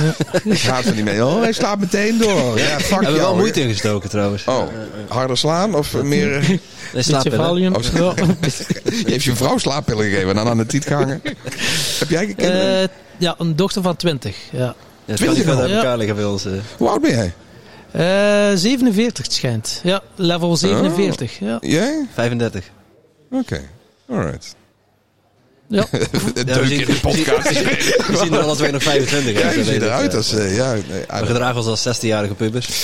Maar ja, het Dus. zijn wel spiegels. Eh, ja, een dochter, eh, dat is wel eh, pittig ook. Eh, Ja. Je hebt de kinderen, ja, eh, een Ja, zoon drie. en... eh, Twee dochters en een zoon. Oké. Waar wil je heen met die 27 vraag? eh? zeg je? Waar wil je heen met die vraag? Nou nee, ik, ik, gewoon, ik ervaar hoe lastig het is om, om kinderen... Kijk, mijn cursisten betalen voor mijn boeken, mijn trainingen. Mijn, en, en die hebben dus al een groei eh, drive. Want je investeert geld, tijd en energie in, in, eh, in jezelf in essentie. Eh, kinderen die worden geconfronteerd met iets wat vader heet. En dat is voor mij ook een stress geweest. De, de, de passie die ik heb voor groei kan ik thuis nauwelijks eh botvieren. De mensen willen en kunnen wel veranderen, maar willen niet veranderd worden. Ja, ja, ben klopt. jij eh, van op de hoogte. Ja. Dat is nog moeilijker thuis. Dus de, wat ik op de bühne doe, mag ik, kan ik thuis niet doen. Dat werkt bijna als een rode. Contraproductief, hè? Dat werd contraproductief. Precies, de Dat is- inverse. Ik heb mijn, mijn vrouw had een jaar of elf geleden een redelijke deuk in haar eh, energieveld, maar ook in haar self-esteem. En die ben ik gaan helpen. ja, je lacht al. Helpen. Maar, want hè, stel je bent tandarts en je kinderen hebben scheve gebit en allemaal gaatjes, dan ben je niet trots. Dus ik wilde mijn vrouw redden. Maar dat, dat is zo niet gelukt. En dat is zo frustrerend geweest. Want dan hou je van iemand en dan heb je de tools. En dan, dan, dan werkt het niet. Dat ging als teflon er vanaf. Totdat ik heb moeten loslaten. En zij zelf dus de goeroes is gaan zoeken. En in eerste instantie juist niet mijn boeken. Omdat, ja, dat was de Remco Show. Maar dus zij heeft de Brené Browns. En, maar goed, die doen allemaal hetzelfde. Want we doen allemaal hetzelfde, gelukkig. En toen is ze eh, op ik de proppenduizen gaan halen. En nu staan we samen weer sterk. Want ik kan haar geen eigenwaarde geven. Ik kan zeggen dat ze mooi is en lieve knap en een goede moeder. Maar ze moet Maar eigenwaarde geloven. komt ze inside Ja, out. ja. Dus eh, dat is ontzettend frustrerend. Daarom zei ik ook van, hebben jullie kinderen? Want hoe doen Ja, jullie maar- het? Met alle kennis die jullie verzamelen naar je eigen... Ik heb die zeven maanden, ja, laat dan maar lekker schijten en slapen. Maar Ja, ja maar dat is, dat is heel herkenbaar. Oeh, Ja. ja. podcast, oeh, pa, uw stem op de, dat, dat, dat kan ik al niet horen. Eh, oh, dat is zo raar. Ja, hoe is en haar dat Hm? koers? Als je het hebt over geluk. Wat blieft? Jouw eh, dochters van 0 tot 10 op geluk. Mijn dochter, hoe, hoe dat ze op de schaal van 0 tot 10, 10, staat. ja. Ja. ja, nu heeft ze net eh, een nieuwe job, dus eh, nu zit ze terug even in flow. Maar eh, het is toch al eh, even anders ook geweest. Dus eh, ja, het is wel... eh, Heb je er kunnen helpen toen ze niet in flow zat? Ehm, heb ik ze kunnen helpen. Ja, ik heb er aan zitten sleuren en aan zitten trekken, maar ik liep er zelf op leeg. En ja. dat is voor mij een mooie les geweest om dan ja. ook te gaan beseffen van... Ik mag haar ervaringen niet afpakken, want het zijn de ervaringen die zij nodig heeft. En zij mag ook die pijn gaan voelen. Maar dat is fucking lastig. Om die je, wil... pijn, je wilt die pijn ja, vooraan wegnemen. Ja. wegnemen en uh, oh, dat, dat, dat heeft lang geduurd. Eer dat ik dat door had. Man, man, man. Dus, uh... dat weet je ook nog eens dat je in staat bent te helpen. Wij geven niet zomaar advies.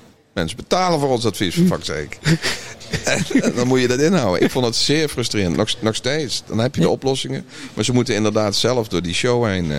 Ja, ja. Dus... Uh...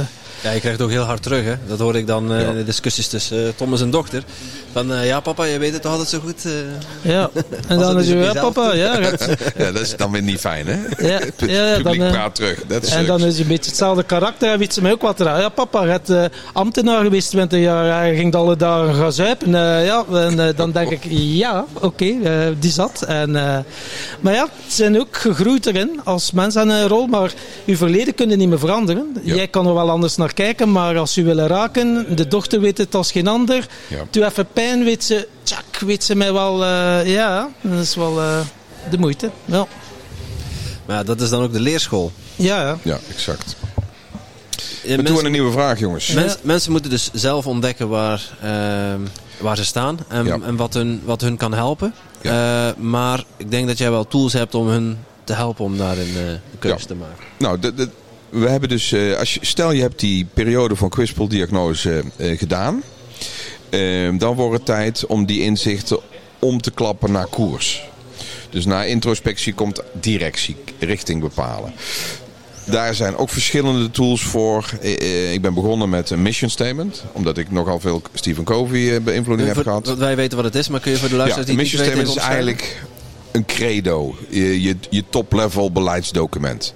Dus wat ik in de training bijvoorbeeld doe, dan laat ik mensen door diverse technieken, best pittige technieken. Er zit een complete begrafenis in mijn training. Dat is echt niet fijn.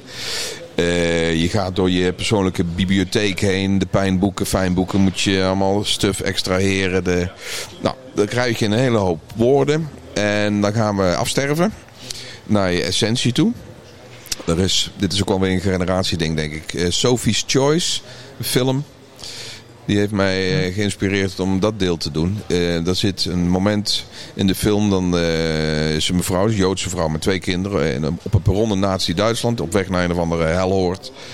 En een beetje lastige SS-officier zegt, je mag maar één kind in jouw cabine. En er is ruimte zat voor twee, maar die was gewoon aan het fucken. En dat is vreselijk, misselijk maken. Maar ze kiest wel. Dus ik heb een oefening ontworpen om te zorgen dat je uh, van je tien meest belangrijke kwispelwoorden downsized naar de vier. Dat is best wel pittig. Er wordt ook best wel wat gehuild hier en daar. Dus eerst moet je zoveel mogelijk leren snappen van hoe energie werkt. Wat het leven van impact op je heeft. Dus de staart snappen. En daarna ga je het proberen te distilleren naar je je naakte essentie. Wat heb je minimaal nodig om te kunnen spreken van geluk? Dus hè, de, de, de, je, je koers moet altijd je, je belangrijkste kernwaarden voeden.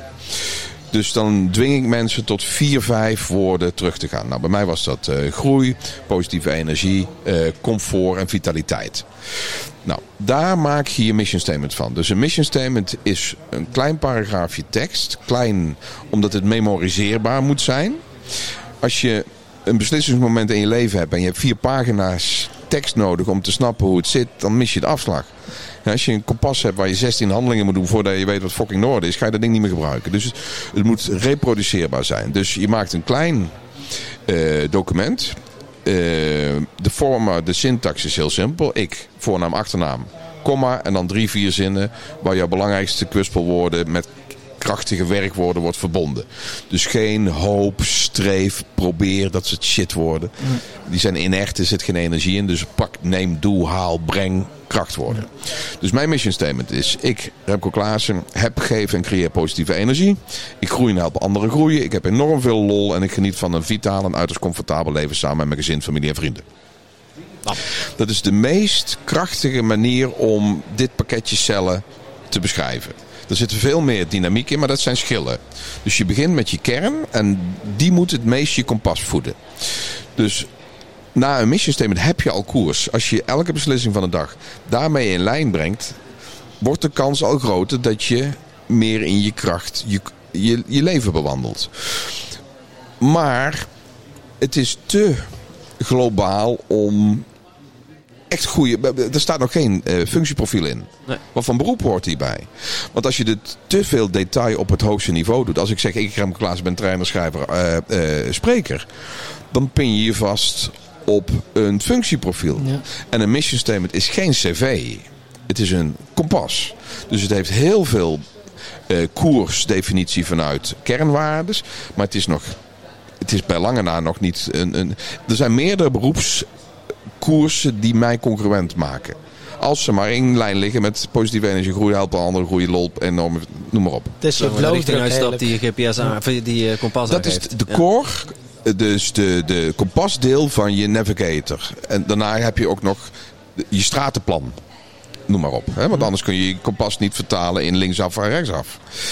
Dus wat ik heb gedaan, en dat is een van de weinige toevoegingen die ik zelf heb gedaan. Want ik ben een enorme dief. Hè? Het is allemaal gewoon gejatte materie. Maar ik hoop ook dat jullie dat doen. Maar Beter goed gejat dan slecht verzonnen. Amen. Dus als je kijkt hoe de, de groeimarkt in elkaar zit, heb je een voeldeel, een denkdeel en een doedeel. Maar het zijn helaas disjuncte markten. Bijna niemand werkt samen. Ik heb nog nooit uit een spirituele training een advies gekregen om daarna een lean training te doen. Die- iedereen blijft navelstaren en een boom knuffelen en chakras gooien en klankschalen duwen. En terwijl al die markten goud hebben, maar los van elkaar niet. De meeste mensen gaan überhaupt niet naar school. En als ze naar school gaan, gaan ze naar het segment waar ze zich fijn voelen. En je, je bent hart, hoofd en handen. Dit is een heel holistisch systeem. Dus ehm, je mission statement is te globaal voor bijvoorbeeld een beroepskeuze. Dus ik heb iets toegevoegd en het komt gewoon uit de IT. Want ik, eh, ik ben informatieanalist eh, als afstuderen. En wat doet een informatieanalist? Die differentieert naar verschillende informatiebehoeftes. Dus je hebt je cloud. Stel je maakt een patiëntinformatiesysteem. En dan ga je daarna naar, aan de hand van behoeftes ga je informatie doen. Dus de huisarts krijgt iets, de familie krijgt iets, de anesthesie, de, de apotheek. Dus wat ik heb gedaan is ik heb een model gepakt uit een ander programma. De schijf van vijf. Is niet het, eetding met Niks met graan, vlees, maken. vlees. Nee, nee. Schijf van vijf zijn gewoon de vijf gebieden van het leven. Emotioneel, sociaal, fysiek, materieel, actief. Dus de dingen die je doet. Ehm, eigenlijk heb ik ehm, dus puur bij de IT'er en mij een proces gemaakt dat mensen na introspectie, dus eerst kwispeldiagnostiek, diagnostiek, dan kompas maken en daarna pak je je kompas als bril en kijk je naar je schijf van vijf. Dus je gaat van missie naar visie. Dat is ook gewoon organisatiekunde. Al die dingen gaan over hetzelfde. Dus je zet je kompas als bril en dan kijk je wat betekent dat emotioneel? Wat betekent dat sociaal? Hoe wil je doen in je werk? Dus dan differentieer je al meer naar verschillende facetten van je leven. Ik heb dat leefregels genoemd. Dus gewoon handboek Remco. Wanneer zit ik in mijn kracht? En als dat klaar is, dan pas ben je denk ik eh, eh, pas ready voor goals. En dat is mijn, ook mijn, eh, beetje mijn frustratie naar sommige trainingen. Sommigen hebben trainers die zijn meer van de chakra. Dan ga je de, plankjes slaan en hete kolen lopen en een pijl op je strot kapot. En dan zit je helemaal in de adrenaline. En dan zeggen ze, wat wil je doen? Wat wil je hebben? Wat wil je chakra? En dan wil iedereen de koning van de wereld worden. Terwijl de, de, de gronding moet zitten in je kompas en niet in je, in je hormonen. Dus als je leefregels hebt gedaan, dan wordt het pas makkelijker misschien zelfs om eh, goals te maken. Die En, eh, dus in lijn liggen met... Wat bedoel je met leefregels? Wat, wat, wat, Ja, wat versta je leefregels is het Van, tussen- eh, gij zult niet stelen, gij zult niet... eh, Nou, ehm, ik, ik zal hem een voorbeeld geven. Bij emotioneel is een van mijn belangrijkste leefregels... ik borg mijn kind zijn. Nou, dat zeggen jullie misschien helemaal niks... maar ik heb een hele speelse, Pietje Bel-achtige inborst. Dat is niet opgewekt of getraind, zo ben ik. In de mancave, als wij gaan stappen straks... krijg je een, bepaalde remco die eh, puur is. En ik had zoiets, waarom laat ik dat los in mijn managementtaken? of op de bühne. Dat kan niet, want dan ben je dus incongruent. Als ik nu iemand anders speel dan thuis, ben ik dus niet mezelf, speel ik een rol en verlies je dus in principe energie. Dus ik borg mijn kind zijn is voor mij een guideline. Het zijn guidelines, leefregels en guidelines. Je maakt een handboek congruentie voor jezelf. En die tussenstap maakt het alweer veel makkelijker om goals te maken. Sterker nog, ik denk dat de schijf van vijf, als je het hebt over one year resolutions of New Year's, uh, New Year's revolutions, dat is een leuk woord. Je kunt beter je schijf van vijf pakken, uh, daar een punt op geven. En alles wat onder een vijf zit, maak je een project van. Dan ben je veel beter in staat om een concurrente goal te maken dan dat je gewoon alleen maar money drive hebt of gekke wilde dingen. Sterker nog, als je die goals bereikt, heb je misschien weer een nieuwe leefregel ontdekt. Dat de manier waarop je uit die onvoldoende bent gekomen, kan weer een guideline worden. Om te zorgen dat je nieuwe beslissingen weer meer in lijn liggen met je concurrentie. is altijd een, een... Maar bijvoorbeeld bij Oh, goals is wel zo een interessante. Goals, dan heb je bepaalde verwachtingen. En bij veel mensen kun je zo verwachtingen hebben, dan kan je enkel teleurgesteld zijn. Als Ja. je het eh, te groot maakt of zo. En Dat is het, eh, eh, het, het probleem met het chakra-segment. Dat je wellicht te veel eh, omgevingsgedreven een plan maakt die niet spoort met wie je bent. Dus dat is, hè, als ik ook zeg van mensen die dan na mijn training ineens allemaal trainer willen worden. Ik zeg, kijk uit, dit is het de resultante van mijn pad. Dat hoeft het niet dat van jou te zijn. Prachtig voorbeeld. Ik had iemand ehm, die was geïnspireerd geraakt door het programma. Die zat ook met een kapotte batterij. Dus zijn werk gaf minder dan 60% per week kwispels. Ehm, die kwam er eigenlijk achter van ik moet meer vrijheden hebben. Ik moet meer afwisseling hebben, meer kortcyclisch. Ik ga ondernemen. Dus die ging een ZZP-constructie in. In België ZZP. ja, zelfstandig of eh, ja, ja, Eenmanszaak, dus, eh, ja, fuck. je manszaak. Ja. Nou, die heb ik drie jaar lang een beetje begeleid vanaf de zijkant. Maar die zag ik alleen maar lijden. Eh, want een van de woorden die hij miste in zijn eh kwispeldiagnose was het woord zekerheid. En als je zekerheid in je top 3 hebt zitten, is ondernemen niet gezond. En toen heeft hij een nieuwe leefregel gemaakt. Ik ben ondernemer in dienstverband. En dat was de laatste puzzelstuk. Dus hij wil kortcyclisch, uitdagingsgericht, oplossingsgericht. Maar wel in de context van een vast salaris. En toen was het van hem paf. En nou is hij een soort vliegende kiep. Alles wat misgaat in de organisatie gaat half jaar en dan is hij, eh, is hij weer leeg. En dan heeft hij weer iets nodig. Maar niet als ondernemer, want dan werd hij, hij sliep niet. Ja, ja, ja. En nou doet hij hetzelfde werk en slaapt wel. Dus eigenlijk, je leefregels voor die te maken zijn ook eigenlijk een soort doelen dat je stelt voor jezelf. Het zit voor doelen. Het zit net voor doelen, maar bijvoorbeeld een leefregel kan zijn: Tom, ik sta elke dag om vijf uur op. Bijvoorbeeld. Bijvoorbeeld. Ik ga drie keer per week sporten. Ja. Ik, eh, ik laat meer energie achter dan er was. Dat zijn, eh, bij social heb ik een mooi. Ik ben er voor hen die erom vragen. En voor mijn geliefde ben ik er voor dat ze erom vragen. Ik wil minder een soort consultantpapa zijn. En meer een invoelende. Het lukt nog steeds voor geen meter. Maar ik word wel steeds beter. Dus als je het, ik vind het, de, de Tim-Tom eh, de Tom-Tom eh, metafoor geweldig. Je, ehm, je hebt dus die kompasdeel. Want je moet weten, GPS heeft altijd drie punten nodig om de positie te bepalen. Ja, dus eh, je kunt met drie eh, variabelen precies weten op aarde waar je bent. Dus dat is het deel wat belangrijk is en het besef van het noorden. Daarna heb je een kaart nodig met welke paden zijn er. En uiteindelijk wil je naar Parijs bijvoorbeeld. En je zit in Eindhoven en dan heb je een aantal stappen te maken. Maar het feit dat je weet dat je naar Parijs moet, is de basis. En de guidelines, je leefregels, helpen je dus die koers te bepalen. En dan kun je dus in essentie overal komen, zelfs wanneer het misgaat. Want dat, dat wil ik mijn cursisten ook altijd meegeven. Het feit dat je meer koers hebt, maakt niet dat de wereld in jouw voordeel verandert. Dus blijf nog steeds hard werken. We hebben 7,5 miljard mensen op deze planeet. Ik ben zeer teleurgesteld in COVID. Ja, je had er Ik denk dat de planeet best 3 miljard minder had kunnen hebben. Alleen lullig- is, je kan niet kiezen. Ik had een hele lijst van mensen die ik, eh, waar ik zonder kon. De meeste zijn er nog. That sucks. Dus in principe heb je nog steeds 7,5 miljard mensen op deze planeet die niet als primaire doelstelling jouw geluk hebben. Nee, er zijn Dat is nogal zijn een er meer bijgekomen, al die Er zijn er weer mee bijgekomen. Een paar dwazen. Er komen ook steeds meer Russen aan, hè? Ik heb vanochtend gelezen. Vier heb ik Die gelezen. zitten allemaal met de hand op de poeper te rennen ze de Virussen. Vier dus, ja. virussen. Oeh, diep. Dus als je beter wordt in koers en richting en alles, eh, wordt het daarna nog niet per definitie makkelijk. Want je omgeving verandert niet naar onze podcast. dus eh, vandaar dat die leefregels, die helpen je trouw blijven aan jezelf. D- dat is denk ik het belangrijkste idee. Dat, dat, want het kompas, hè, ik heb een klas, heb geen creëer positief. Dat is zeer richtinggevend voor mij.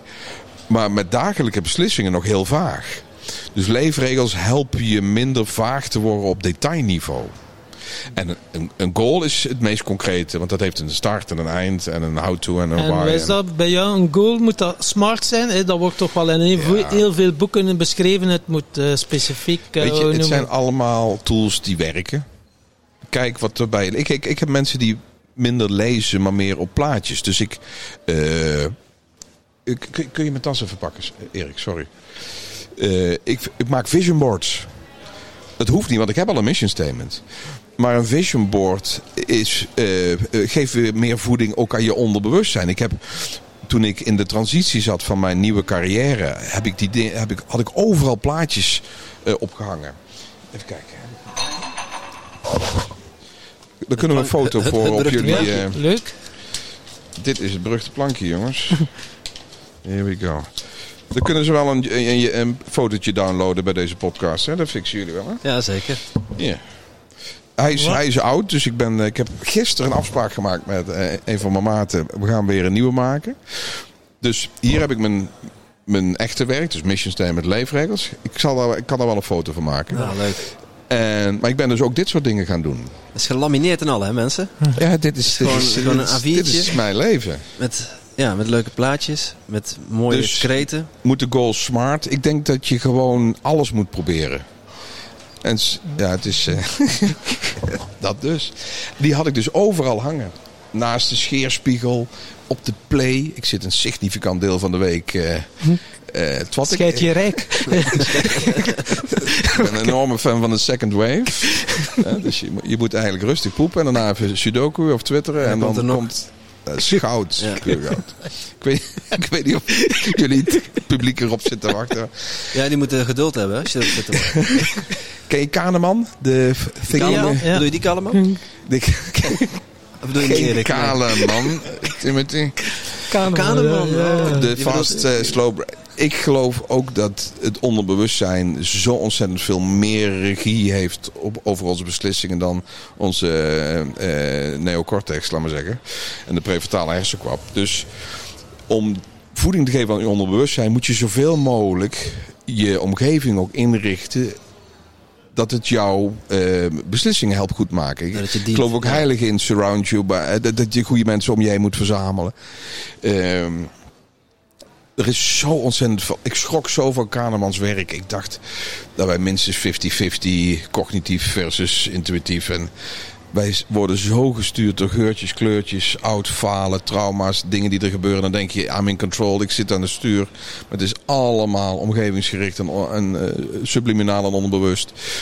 Dus ik geloof ook heilig dat je jezelf moet blijven besmetten met eh, signalen.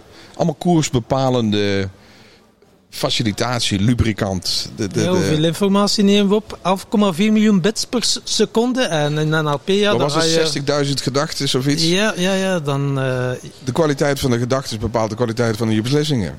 Dus dit soort dingen helpen je, ook wanneer het misgaat, die koers eh, vastheid te bereiken. Ja, want eh, we, we hebben al veel behandeld. Quizpullen, kompasnaal, leverregelsgoals. Eh, dan blijft het nog steeds ontzettend moeilijk. Omdat de wereld niet verandert na een training of een boek of eh, deze podcast. Dus ehm, ik ben ook een enorme fan van. eh, je had het net over mastermind. Dus Ja. groepjes mensen die om de zoveel tijd bij elkaar komen. En, en, en stevast je helpen herkalibreren op je koers. Er is zoveel afleiding, zoveel verstoring die maakt dat jij eh, weer verkeerde beslissingen kunt gaan maken. Ja, die verkeerde afslag. En er wordt ook wel eens gezegd, uh, uw buitenwereld is een reflectie van je binnenwereld. En als je een buitenwereld wil veranderen, is alsof dat op een spiegel bezig bent. Dus het is Juist. naar binnen keren en van daaruit gaan veranderen. Maar ja, dat Absoluut. klinkt ook allemaal weer zo zweverig natuurlijk. Hoe Nou ja. veranderde jouw binnenwereld? Dat is gewoon door vision boards en zo te maken. Ja. Door dat in dat onderbewuste, en dan ga je onderbewuste wel Juist. de juiste dingen eruit halen die dan op je pad komen. Of is dat wat simpel dat is uitgelegd? helemaal goed. Ja. Helemaal goed. Maar dat, dat is denk ik ook het voordeel van mijn oude beroep als IT'er. Ik probeer alles eh, in, in brokjes te hakken en een proces van te maken. Dat is denk ik een deel van het succes van mijn... Dat klinkt een beetje gek als je het over jezelf hebt, maar eh, Mag hoor. die relativering eh, die kunnen jullie wel doen. Zelfstoef. Ik ben al die verzamelingen eh, in stapjes gaan knippen en pro- procedures van gaan maken. En dan, dan wordt het teachable. Dan wordt het trainable. En de manier waarop mensen die verschillende stappen invullen, die kunnen dan verschillen. Sommige mensen gaan harder op een vision, eh, vision board dan op een eh, stukje tekst. Sommigen spreken cassettebandjes in. Een soort affirmaties dat ze de leefregels non-stop gevoed krijgen op auditief niveau. Fuck it. Whatever works. Ja, sommige Als je het maar niet, niet ja, doet. Als je er maar op aangaat. Nou ja, dat, dat is het hele, dat is de samenvatting van de hele podcast. Wanneer ga je aan en hoe borg je dat? Hey, en dan heb je, eh, je hebt een, een vision board gemaakt, mission statement, heel de rimram. Je weet, je hebt eindelijk ontdekt wie je bent. Ja. Maar dan, dan ben je er nog niet. Nee, het is. de- Dan begint het pas. een van de belangrijkste filosofen in Nederland is Toon Hermans. Eh, die zegt: leven is meervoud van lef. Eh, het, het blijft non-stop een struggle. Ik bedoel, verschillende levensvaden, verschillende fases in je carrière. Ik, ik, ik merk dat ik nu van papa naar opa groei. We hebben nog geen kleinkinderen. Ik heb een hele lange tijd, denk 15 jaar, niks meer gehad met baby's. En nou begin ik weer te voelen dat me dat ontzettend leuk lijkt om een compleet gestoorde opa te worden. Ik, ik ben jongleur, ik ben vuurspuger, ik ben amateur-gynaecoloog. Ik, ik kan echt van een feestje bouwen. En ik, ik ben nu aan het kijken hoe, hoe zich dat gaat vormgeven als, als opa straks. Ik ga die kinderen maximaal verfukken, vol suikers duwen en dan hier terug. Opa gaat slapen. De rozen. Dat is het leuke van opa zijn. Hè? Ja, geweldig. Dus ik merk dat er nu weer een transitie is van mijn passie-talent mix naar andere rollen. Dus het, blij, het is nooit af. Ik maak ook nog steeds heel veel fouten. Ik weet op welk gewichtsniveau ik de meeste energie heb. Nou, ik weet niet of je kunt zien wat voor pakket Remco hier zit. Maar er zit eh 8 kilo te veel Remco Klaassen in dit leven. Dus het, het, het blijft hard werken. En, eh, maar goed, uiteindelijk komt het wel iedere keer goed. En ik geloof heilig dat dat komt door kompasbewustzijn. Als, als je niet weet je bent en wat je wilt, word je dus afhankelijk van de hulp van anderen om je op koers te krijgen. En, en dat maakt je weer eh, dat je onder habit 1 weer gaat vallen. Dan word je weer afhankelijk. En ja, dat is een, een, een state waar niemand geluk kan ontdekken. Afhankelijkheid is, is killing. Dat is, eh, dan word je de patiënt van het leven. Ja, dan, dan, eh, je zei net van, eh, eh, dat mensen helemaal hyped terugkomen van zo'n event. Bijvoorbeeld Ja. van Tony Robbins. Wij, wij, hebben, wij hebben het meegemaakt bij Michael Pilarczyk. Ja. Ja, je staat echt een paar dagen daarna nog te stuiteren. Je ziet het helemaal voor je. Je hebt vol hoe je moet. En dan ja, ja, ja. Ja, Dan heb je uiteindelijk ergens een keuze te maken van... Ja, ga je links of ga je rechts? Ja. Dan, heb, dan heb je je kompas, je hebt je leefregels, je hebt alles, alle bagage. Maar hoe zorg je ervoor, Ja. wat je net zegt, dat je als je de verkeerde afslag een keer neemt, wat ongetwijfeld gebeurt, hoe kom je dan weer terug op het goede pad?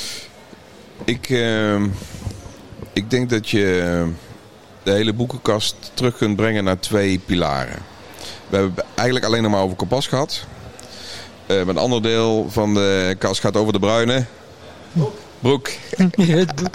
Zie je het nooit meer vergeten. Bruine broek is een, eh, een grapje wat ik gebruik. Die mop ga ik nu niet vertellen, want dat slaat nergens op nu. Maar bruine broek staat voor moed. Eh, ballen hebben, beslissingen durven nemen, een lange adem, flexible approach, standvastigheid. Ehm, als je één van beide mist, gaat het mis ergens. Eh, zakelijk en privé maakt dan niet uit. Ik, ik ben ook eh, steeds meer aan het trainen dat je nooit meer moet differentiëren op zakelijk en privé. Je bent ergens. En dan wil je je goed voelen en waarde vertegenwoordigen. Dus ik denk nooit meer over. Ik, ik ben Remco hier en ik ben straks Remco weer als, als echtgenoot en als papa. Dus dat koersdeel bepaalt hoe je bent en wat je wil. En het moeddeel bepaalt dat je er ook naar leeft. En dat is dus een, ja, ik wou zeggen geen continue kwelling, maar continu werk in principe. Maar werk is geen goed woord. Het vergt continu de juiste beslissingen, daadkracht. Dus dan Want het ben, is je geen het, werk. dan ben je het niet eens met Stephen Covey, want die spreekt van verschillende rollen. Je bent dat, je bent dat, dat. Elk met eh, eigen Ja. leefregels. Nee, ik denk dat we hetzelfde doen. Eh, je hebt verschillende functie, verantwoordelijkheidsgebieden. Maar daaronder zit nog steeds jouw concurrentie. Als ik als papa iets ga spelen wat ik niet ben, ben ik geen influencer. Dan gaan ze niet geloven. Je wordt ongeloofwaardig als je iets doet in plaats van dat je het bent. Dat heb ik ook met verbaal meeschap. Ik, ik, ik preek over de kracht van humor.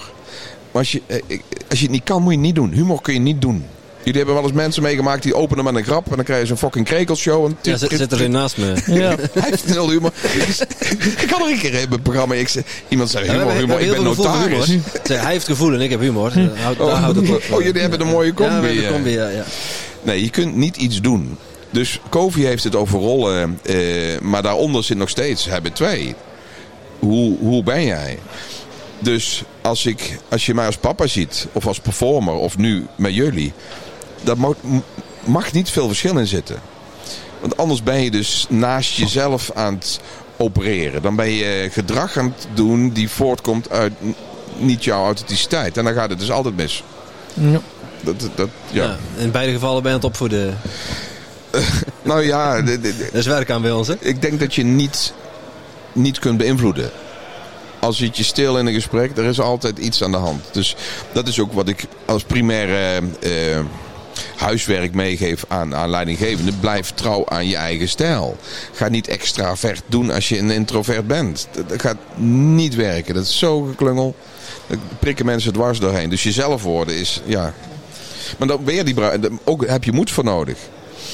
Eh, de, de, sterker nog, in mijn geval bij mijn trainingen, mijn stijl wordt niet overal geapprecieerd. Wij hebben disclaimers en, en waarschuwingen. Eh, ik heb heel weinig eh, omzet in de Bible Belt. Een soort van nul, eigenlijk. En het is niet dat ik God, Allah, Boeddha beledig. Nee, niet maar, mijn stijl is niet pastoraal. en dan kun je zeggen, ga je dat veranderen? Ik, ik had er pas Toch predik je graag. hè? Hè? Toch predik je graag. Ja, preken doe ik graag, maar ik ben eh, een gepassioneerd atheïst. Ik, eh, nee, je moet jezelf je boek schrijven. Nooit andermans, eh, nee. Ehm, er zitten ook goede dingen in, hè, voordat we straks alle podcastmensen gelovigen. Eh, wat jij niet wilde, u geschiet, zit niet aan je buurvrouw stiet. Gewoon dat soort dingen is allemaal, allemaal prima. Maar ehm, nee, geloofde is het niet. Ik had er pas voor eentje. Ik had een grap over seks of over masturberen of iets. Nou, iedereen lachen. Maar eentje was zo verkrampt dat ze de hele anderhalf uur, had een lezing daar, niet meer heeft kunnen volgen. En daarna boze brief is gaan schrijven naar de directie. Hoe haal jullie het in je hoofd om zo'n vunzige man... en goed, dat is een, eerste klas droge doos. Dus daar moet eigenlijk een keer iemand vol overheen. Dat is, nee, dit knippen we. Dit was een hele respectabele cursist die gewoon een suboptimale klik had tussen verschillende karakterstructuren. Weet je, voor mij is dat eh, best wel een Achilleskwelling geweest. Van, ga ik me conformeren om te zorgen dat 100% mij leuk vindt? Of blijf ik mezelf en accepteer ik dat 7% in de stress schiet van de manier waarop ik dingen zeg? En het is het laatste geworden. Ik had gisteren nog een inzicht dat of je gaat hard op een stijl of je irriteert je. Maar in beide gevallen gaat er iets in beweging. Die mevrouw in kwestie is gaan klagen en heeft daarna een coachingsgesprek, eh, coachingstraject is eruit ontstaan. Want er zat veel meer achter dan alleen maar eh, dat ze zich beledigd voelde door mijn stijl. En dat is nu naar boven gekomen. Dus ik heb zoiets van eh kwaadschiks of goedschiks. Mensen gaan aan als je puur bent. En ik hoop liever lachend dan geïrriteerd. Maar die persoon gaat wel aan zichzelf werken nu. Door mijn hufterigheid. Ja. En hoe ga jij bijvoorbeeld überhaupt om met kritiek? Op dus iets Heel slecht. Ja. Ja, nee, dat wordt nog steeds niks. Ik, eh, ik heb daar therapie in gehad. Dat is letterlijk waar, dat klinkt sneu, maar het is echt... eh, als ik dan, eh, bijvoorbeeld de 3,5 daags, dat is mijn meest intieme programma, het maximaal 30 man. 9 is een tieners. En dan zit er één 7 bij. En waar slaap ik slecht van? Die ene fucking 7. Nou, dat is heel sneu. Dus ik heb daar, ik heb daar letterlijk therapie in gehad. En mijn doorbraak was, de coach zei van Klaas, jongen, er zijn altijd drie mensen in jouw omgeving. Mensen die helemaal fan van je zijn. Oh, Klaas, Klaas, Klaas. mensen die neutraal en mensen die van je balen.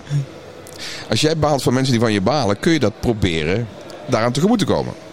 En na jouw effectieve wijziging zijn er Drie soorten drie typen mensen. Ja? Er is no way to win. Dus het beste wat je kunt doen is eh, richt je op de 85, 90 procent. Gewoon door wie je bent. Eh, en die 10 procent, ja, niet mijn energie. Zoek me dan ook niet op. Daarom, we zetten het ook steeds vaker op eh, de websites. Ik ben 18 plus. Eh, als je een, eh, een verzuurde OR-lid bent of zwak begaafd eh, of te, te religieus, moet je gewoon niet naar mij komen. Nee, ik heb. eh, nee. Ik had pas een paar mensen helemaal op de kast. Ik had het hobby, eh, ik geloof een hobby genoemd. Ik vind het helemaal prima. Je, je hebt ook mensen die doen cosplay. Je hebt mensen die gaan line dansen. Prima. Ik ben niet van line dansen, maar doe het. Maar een line dancer mag niet bepalen of een vrouw wel of niet een rijbewijs mag halen. Je mag niet de politiek. Dus doe je fucking line dance, maar niet in mijn tuin. En zo zie ik geloof ook. Het is gewoon een hobby. Doe je ding. Ga door je knieën, koop een matje. Ga naar het oosten. Fantastisch, maar niet in mijn... eh, en laat zeker niet de scholen, het onderwijs daardoor besle- beslissen. Dus eh, viel niet helemaal goed. Mensen zagen geloof iets ruimer dan een hobby. Ik zeg nee, fucking hobby. Ja, ik heb ook wel gehoord om eh, de mensen, als je moet eh, meedoen op die drie dagen af, je maakt de mensen niet zat. Maakt, maakt ze niet zat? Je maakt ze zat. Ja, ook. Ja, ik geloof in leiderschap. Ja, ja, eh, ik geloof heilig in de combinatie leiderschap en alcohol. Daar zit strategie achter. Dat is niet alleen maar voor de lol. Ehm, je moet je voorstellen dat mensen vergroeid kunnen raken met hun functieprofiel. Dan worden ze een gestalt van hun cv. Omdat ze een eh, correcte arts zijn of een eh, bestuurder of een notaris. En ik heb mensen meegemaakt die zo een, een soort verwrongen leven hebben gecreëerd. Omdat ze in dat malletje moesten passen, passen van hun performance. En dat je het ego daar zo verkrampt aan vasthoudt. Dat je lubricant nodig hebt. Nou, psychedelisch durf ik niet. Want ik wil ook nog wel eens een keer een pado-training eh, kijken wat dat... eh, dat lijkt me geweldig. Maar alcohol is de meest geaccepteerde. Dus ik werk dat erin tijdens het jongleren. En er is muziek. Ik heb heel veel katalysatoren voor gevoel. En eh, sommige mensen hebben een paar flessen wijn nodig om mijn programma te overleven. Maar ja, fuck it. Whatever works. Dat, eh, dat Die worden, dan, die worden dan rectaal ingebracht? Als je wil, maar dat is niet. Dat is een optie. Daar moet je, daar moet je wel iets meer voor betalen, denk ik. Hè. Hebben jullie wel eens. wat, eh, wie waren dat? Eindbazen, volgens mij. Ik ben eh, een paar keer eh, geadviseerd. Waarom doe je geen eh, ayahuasca? Eh, sorry, eh, gasten, ik heb het nog steeds niet gedaan. Eh, hebben jullie dat, dat Ja. meegemaakt? Ja, hij is grote fan. Ik heb het nog niet... eh, ik ben, Ja, de iedereen is een fan van. Ik durf het gewoon nog Ja. steeds niet. Hoe Nee. vond jij het? Hetzelfde. Ja, Tom. ik vind het wel eh, heel apart. eh, ja. Het heeft mij wel heel enorme mooie inzichten al opgeleverd, eh, ayahuasca. Maar eh, ja, je hebt ook verschillende plantmedicijnen. Bijvoorbeeld Iboga, dat is dan echt wel de grootvader van alle plantmedicijnen. Die een, eh, heeft dus zo, wat, wat is uw fucking probleem? Hier is uw fucking probleem. En, eh, In your face. Oké. en vijf dagen niet slapen en dan eh, ziet, oh my god. Ja, ja, dat is wel een pittige. Ja, die gaat, Oké, die hoef ik dus niet als. maar ja, het is ook niet voor iedereen. En ja, je moet doen wat dat je je goed bij voelt. En ik ben ook wel iemand die graag experimenteert. Al gans mijn leven. Ja. En, eh, maar ja, dan eh, is het misschien bij jou een beetje... eh, oei, ik ga de controle verliezen. Of Ik denk bang- dat dat dat is. Ik heb proberen te, te bekijken wat, het mij, wat mij weerhoudt. Maar ik denk dat het dat is. Ik, ik wil niet af, ja, overgenomen worden door een psychedelische door een drug. Maar ik hoor wel steeds vaker dat het leuk is. Ik heb nou weer een nieuwe... Ja, het- hoe heet het? Karma, dharma. Het Je komt zo lijf- vaak op je Je hele pad. lijf uitkotsen, dat is wat ik erover hoor.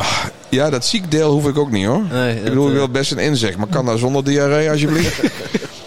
Eh, had ik nou pas een microdosing? Over eh LSD. paddensta- paddenstoel. Ja, paddenstoelen kan ook. Ja. Ja. en dan eh, het schijnbaar he- heel goed. Het gaat ook netjes weer je lijf uit. Het heeft geen eh, eh, dwang en eh, verslaving. Misschien dat ik toch nog een keer een moment kom, maar ik ben er nog niet. Ja. Dus eindbazen rustig blijven. Ja, meer en meer. Zo bijvoorbeeld Albert Sonneveld of zo, ja, die heeft ook wel al uh, zo op die manier... Uh, ja? Ja, dus het kan ook op latere leeftijd. Toen is hij pas echt succesvol geworden. oh, nou, ik... Uh, Oké, okay. spannend. Eens kijken of we kunnen tempten, maar... Het is er nog niet van gekomen. Nee. En uh, doe jij andere dingen om jezelf psych, uh, zeg het, spiritueel te ontwikkelen? Masturberen is wel een ding. Ik weet niet of het een orgasme spiritualiteit is, maar... Uh, ja, dan... Is seks wel leuk. Nee, wel hoor. Ja, volgens... Nee, ik maak een grap. Ik... Uh, nee, zoals ik nu in mijn leven sta, is het eigenlijk wel iets waar ik heel oud mee kan worden. Dus ik blijf nog wel kijken naar vernieuwingen in theorieën of modellen. Alhoewel ik... Uh, maar goed, misschien is dat beroepsdeformatie. Als je lang genoeg timmert, zie je overal spijkers en hamers. Ik heb, uh, maandag was ik bij de Amsterdam Business Forum. Heb ik uh, Yuval Noah Harari ontmoet. En Amy Edmondson, Usain Bolt. een line-up waar je helemaal eng van wordt. En ik heb dat aangehoord de hele dag. Geïnspireerd. En in principe alleen maar bevestiging gekregen. Dus uh, ik hou de markt nog steeds in de gaten, op het psychedelische deel na. Maar ik ben nog steeds alleen maar meer bekrachtigd in het feit dat er een bepaalde sequentie is van groei en leiderschap. Dus het blijft introspectie. Wie ben je, wat wil je? Het gaat om directie. Wat is je focus? Waar werk je naartoe? Het gaat om actie. In lijn leven met je kompas. En het gaat om value adding de focus van het omslaan van je eigen talentpassie naar, naar voordeel van anderen. En misschien dat er nog wat meer variaties komen in de methodes. Maar de rode draad zie ik nog niet veranderen. En als die komt, dan veranderen we met z'n allen mee. Dan gaat Erik andere trainingen geven, jullie andere podcasts. En dan veren we gewoon mee. Maar ik, ik zie het nog niet. Het is nog steeds... Sinek, hè, dat is een van de laatste uh, goeroes die hard gaat. Het is ook gewoon Covey zijn wise circles. is allemaal end in mind. Er is nog niet veel echt revolutionair nieuws. Ja, je hebt ik. ook wel uw eigen? Uh, uw eigen dingetjes. Zoals uh, in de boek schrijft er ook over de FOMP. Ja, ik, maar dat zijn metaforen op basis ja. van dingen die anderen ook roepen. De ja. FOMP zit achter mensen willen en kunnen wel veranderen, willen niet veranderd worden. Ik zie dat de meeste organisaties nog steeds top-down zijn de, de, de, de, de, de, de, de buizenpost is daar een mooie analogie voor. De, de hoogste baas heeft dan het uiteinde. Dat cascadeert dan in aars naar allerlei chefs en afdelingen. En dan pomp. Dan krijg je een beleidsruft. of een ijskrabber of iets. En de, de, alleen dat al omkeren is voor mij 80% van mijn jaar. Ik, ik denk dat 20% van mijn omzet is verbaal meesterschap. De rest gewoon persoonlijke ontwikkeling en leiderschap. Wij moeten leren die piramide om te draaien. Mensen aanzetten in plaats van aanduwen. En ehm, ja, daar heb ik nog een eeuw werk aan, denk ik. Ja, want mensen leren waar die aan- en uitknop zit. Ja, of de, of de vast... Noem maar eens een heel simpel voorbeeld. Ik zie nog steeds bij de meeste organisaties dat de baas ook een coach, coachrol heeft. Nou, we hadden het er straks gehad over hoe moeilijk het is om je passie om te zetten naar opvoeding, naar kinderen. Uh, hoe ik het heb verkut met, met mijn vrouw doordat ik haar trainer wilde worden. Je kunt niet baas en coach zijn. Als we dat nou eens alleen al voor elkaar krijgen. Dat je uh, in je functioneren twee begeleiders hebt. Eentje die je op professie begeleidt. Dit kan zo beter. Dit broodje kun je anders bakken. Dit consultancywerk moet je. En je hebt iemand die jou begeleidt op koers. Maar dat kunnen niet dezelfde mensen zijn. Want je kunt niet veilig boos zijn en verdrietig zijn uh, over je koers en je leven bij degene die ook je, je carrière bepaalt.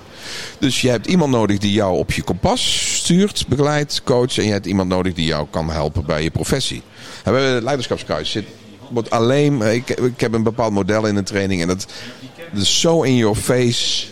Uh, Erik is nog te zien. Zelfs, ja. En uh, ja, is tien jaar geleden? Als we dat alles kunnen Zou doen. niet zeggen. Het lijkt wel gisteren. Ja, ziet u, humor uh, komt ook niet altijd over, hè, maat? Ja? Dat weet ik niet. Ik ja. hoor net een luisteraar uh, rollend over de vloer van het lachen. Smaak, ja, smaak. Ja. Hoor je dat door de... Ja, dat dus. Mm -hmm. En uh, wat zijn nog doelen voor jou? Wat wil je nog bereiken? Ja. Of, nou, dat leiderschapsdeel blijft dominant. Ik probeer organisaties dus uh, die hele boekenkast uh, uit te leggen. En de laatste ja, bijna twaalf jaar denk ik zit dat onderwijs in mijn, in mijn systeem. En dat wordt steeds meer. Dus eh, we hebben nu ook al aanvragen voor HBO-instellingen en eh, in het voortgezet onderwijs. We gaan vanaf januari een HAVisten-vangnet maken. Dus mensen die van de HAVO rollen en eh, waar het niet bij lukt om die toch op te vangen en een half jaar de poppenduizen materiaal te geven. Dus dat MBO-jaar is dan een jaar. En daar maken we nou een half jaar van. Dus er komen verschillende productdifferentiaties nou uit voort. Dus ik denk dat ik het laatste deel van mijn leven uh, probeer de boekenkast naar de jeugd te vertalen. Oké. Dat is denk ik wel uh, een ding wat mij heel veel tijd in gaat zitten. Maar dat la, eh, de, de, de, volwassenen laat ik niet los. Ik vind die, die congressen en die uh, theater vind ik veel te leuk. En uh, uw werk... van binnen ook nog kind, hè? Zeg je? Zijn van binnen ook nog kind. Ja, exact. Dat, en uw werk geeft u ontspanning, maar uh, ja. ontspant u ook nog uh, door bijvoorbeeld te reizen? Of heb je nog andere dingen ook? Of is het, ja, ik heb vorig jaar mijn huis verkocht in Curaçao. We zaten elke keer als het kon eigenlijk wel op de Antillen. We zijn nu ehm, meer citytrips houden heel erg van, van steden. Vorige week zat ik in Madrid. mijn, mijn jongste studeert daar. En ja, is echt geweldig. Dus ik denk dat ik... Vroeger had ik misschien twee, drie vakanties. Een grote en een herfst of een kerst. Dat we me meer vijf, zes keer vier dagen gaan doen. Uh, uitfasen. Want ik hoef me niet meer te conformeren aan schoolagenda's en zo. Dus uh, reizen is een hobby. Koken. Koken en eten. Geweldig. Ja, en sport. Je zou het niet zeggen met dit model. Ja, maar ik ben... Uh, nee, leuk. Ja, Human, moet je iets mee doen jij. ik, uh, nee, ik ben aan het padellen nu. Dus, ik, ja, iemand al aan de padel? Padel? Uh, ja, ja, gehoord, maar nog niet Geweldig. Ja, ik heb lang gescorst. En ik ben met Tom tafeltennis, dus ik hou van, van balletjes. En dit is bijna een combinatie van alles. Dus... Ja, sport was wel een deel. Want ik heb lang gebasketbald, maar ik heb geen vaste avond. Door mijn werk ja, ben ik overal en nergens. En nou, uh, dat padellen kunnen we meer uh, tunen. En ik kan me dus niet conformeren aan een team. Ik mis basketbal wel enorm, maar uh, het is nu padel. Kleiner balletje, glazen hok en gas erop. Dus, Oké, ik vind, wat, wat, ik graag nog even wil aanstippen. ik vind het wel inspirerend. En dat had ik in een andere podcast gehoord waar, waar, jij te gast was. Okay. En je hebt het hier ook voor je liggen. Dat is je plankje. Ja, ja. What's up? zei net gekscherend van, oh, daar is het plankje, het beruchte plankje. Ja, dit, dit, is mijn leven. Maar dat is dus letterlijk jouw leven. Ja. Kun, kun, je, kun je ons uitleggen hoe dat is ontstaan en hoe dat jouw leven leidt? Uh, we hebben het gehad over uh, 80-20 proberen te krijgen. Dus zoveel mogelijk shit die je niet energie geeft eruit werken. Nou, ik heb dat uh, met mijn PA's. Dus 17 jaar was uh, Sylvia dat. En nu heb ik Brenda. En het meest optimale in mijn leven is gewoon... ik krijg maandagochtend mijn plankje. Nou is hij leeg, het is vrijdag. Ik heb het al leeg geluld. Daar zitten de opdrachten waar ik spreek, waar ik slaap... Wat het onderwerp is, wie de groep is. Uh, en die werk ik af. En daarna krijg ik een nieuw plankje. Dus dit is eigenlijk mijn kompas. En als het plank, ik word elke week geconfronteerd met, als alle opdrachten eraf zijn, met wat mijn essentie. Dus ik kom altijd weer terug bij wie Remco is. Ja, want onderaan je plankje zet. En uh, dit is mijn, uh, mijn kompas eigenlijk. Uh. Dus als je het hebt over uh, detail-avers, bijna alles wat ik niet leuk vind, doet dus mijn management. En dat maakt dat ik zoveel mogelijk kan focussen op waar mijn kracht ligt. En dat is uh, op de bühne mensen fompen. Dat is de, het idee En dat uh, maakt u succesvol of dat geeft u geluk? Ja. En wat is voor jou de definitie van geluk? Dat is een mooie samenvatting van uh, de hele podcast. Um, ja, ik denk dat waardering, uh, eigenwaarde een belangrijke relatie heeft met waarde toevoegen. Dus uh, ik ben door mijn werk, uh, krijg ik lof, ik krijg centjes. Maar ook heel veel mensen die. Uh, we hadden de vorige week eentje, die kwam in tranen. Die zei: Ik ben zo geraakt door X, een boek of een workshop of een training. Ik heb mijn leven sindsdien zo anders ingericht. En dat overstijgt alle facturen. En ik denk dat uh, uh, eigenwaarde een functie is met waarde toevoegen. Dus wat is geluk? Je waardevol voelen, echt toedoen, gevraagd worden, nuttig zijn. Maar als je alleen maar nuttig bent en je gaat er zelf op leeg, dat is de ultieme formule voor een burn-out. Dus geluk is eigenlijk twee, heeft een egocentrisch deel en een sociaal deel. En als beide kloppen, denk ik dat je geluk helemaal rond hebt. Dus ik weet wie ik ben en wat ik wil, waar ik het meest van aanga. En ik ben erin geslaagd om daar waar ik aan van ga te vertalen naar iets waar anderen kan helpen. Wat dus weer die waardering voedt. En dan krijg je een soort geluksperpetuum mobile. En uh, ja, daar blijf ik totdat ik omval uh, uh, mee aan de slag. Heerlijk. Mm. Dat is Mooi. Je, had, in de podcast had je het ook uh, over succes. Je, je maakte zelf al een onderscheid, monetair succes. Maar als jij de definitie van zou mogen geven van succes, wat zou je dan... Uh, ik denk dat succes, geluk, tevredenheid, voldoening... Het gaat maar over één ding, dat is die energie. Als die flow er is... Kijk, ik heb muntjes nodig om uh, hier naartoe te kunnen rijden, te moeten kunnen eten. Maar weet je, als, je, als, als, als dat geld de enige focus is, blijft het werk. Dus um, ik denk dat ik toch weer terugkom op kwetsbaar goud. Verzin wat je gratis zou willen doen. En maak het zo goed dat anderen voor willen betalen. Want betalen, je hebt dat economische uh, noodzaak. Je moet gewoon, ja, er is een interactie in muntjes, anders kun je niet naar de winkel. Maar uh, als ik alleen maar geld zou krijgen voor iets wat ik niet leuk vind, nee, dan word je niet oud. Mm. Dus ik denk dat geluk, geluk en succes uh, dezelfde woorden zijn. Wanneer zit je op je plek? Ja, en je ziet er ook zo wel iemand uit. Je laat je niet snel in een hoekje duwen. Maar uh, ja, door de maatregelen en COVID worden soms echt wel in een hoekje gedrukt. Hoe ja. ga jij ermee om? Uh, sta je dan op de barricade of, of, ja. ga, of ga je rebelleren? Of uh, wat gebeurt er dan nee, in jouw ik ben, systeem? Zeer conflictmijdend. Wat maar goed ook is, want ik heb een extreme amygdala. Ik, ga heel, ik irriteer me op zoveel manieren. Dat is de keerzijde van mijn passie. Ik, ik, ik vrees dat jullie dat misschien al hebben of als je ouder wordt meer krijgt. Hoe meer je snapt van hoe het zou moeten met jezelf, maar ook interpersoonlijk en communicatief. Hoe meer je gaat zien hoeveel fouten er worden gemaakt. Ik irriteer me aan bijna alles wat ademt. en, uh,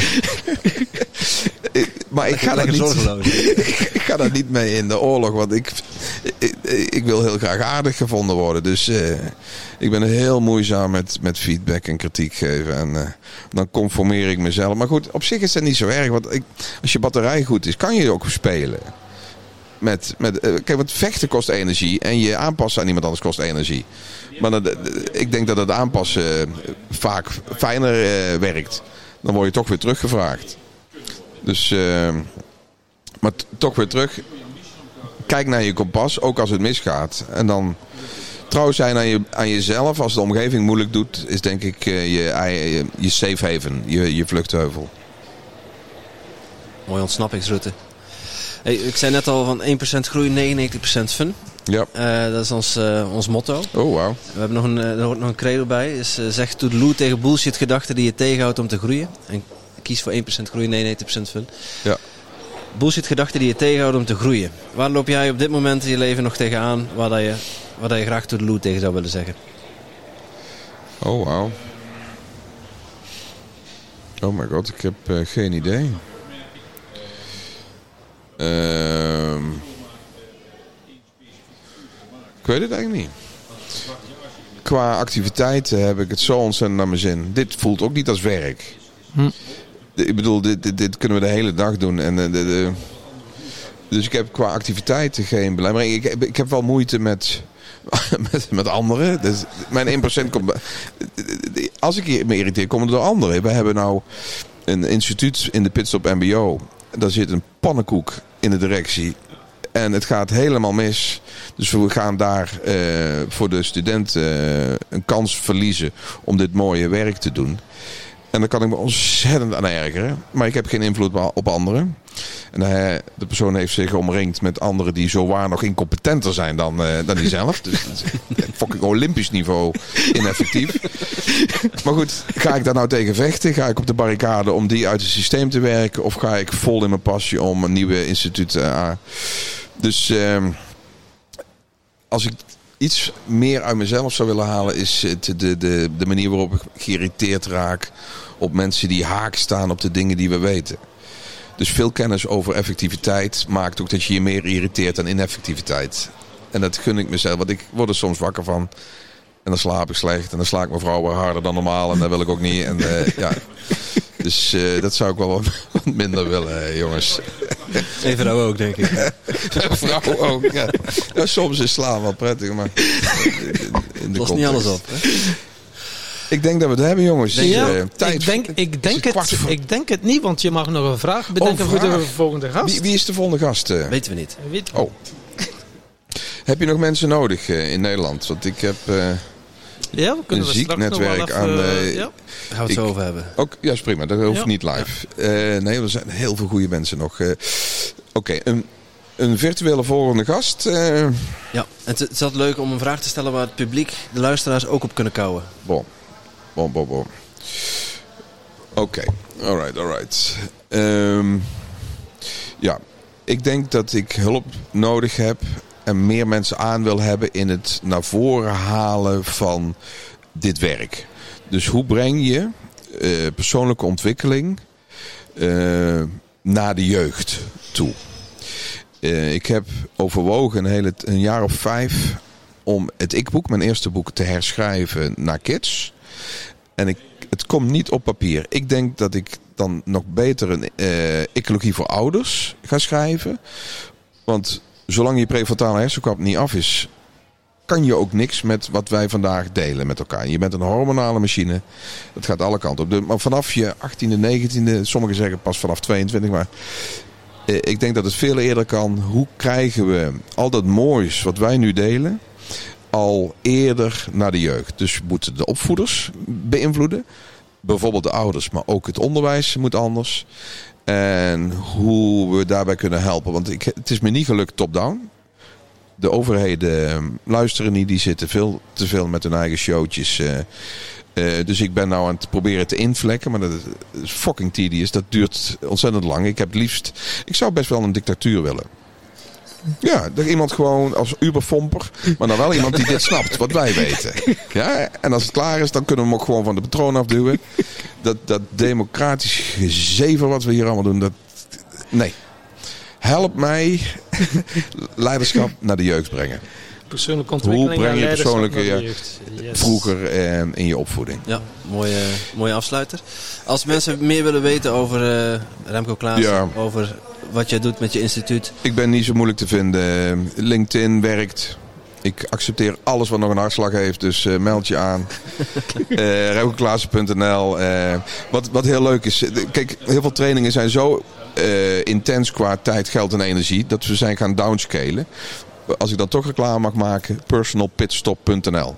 Personalpitstop.nl. Staat ook via remcoklaassen.nl. Maar dat is een, een halve dag. Het kost geen drol.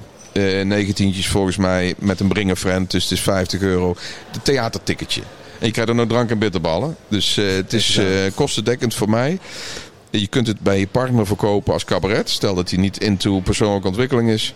Vier, vijf uur lang uh, ja, wat we net hebben behandeld. Hoe doe je introspectie? Hoe maak je missystemen? Hoe krijg je leefregels en goals? Hartstikke leuk. En dan kun je mensen wat meer makkelijker openmaken voor groei. Dus het is mijn meest laagdrempelig wat ik heb. Uh, het kost bijna niks.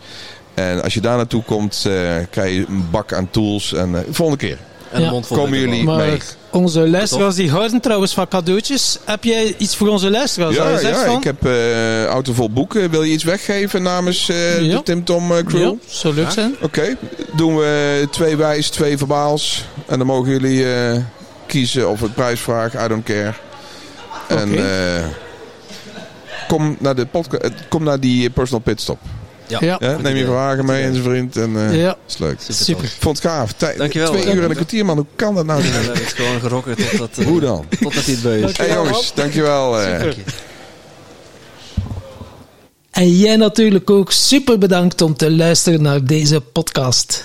Voel jij je geïnspireerd? Je zou ons een enorm plezier doen door ons 5 sterren te geven of een review achter te laten in jouw favoriete podcast-app. En wil je geen enkel inspiratiemoment missen? Abonneer je dan op onze podcast of volg ons op social media at Tim Tom Podcast. Oké, dan moet je weer terug aan de Tom. Hè?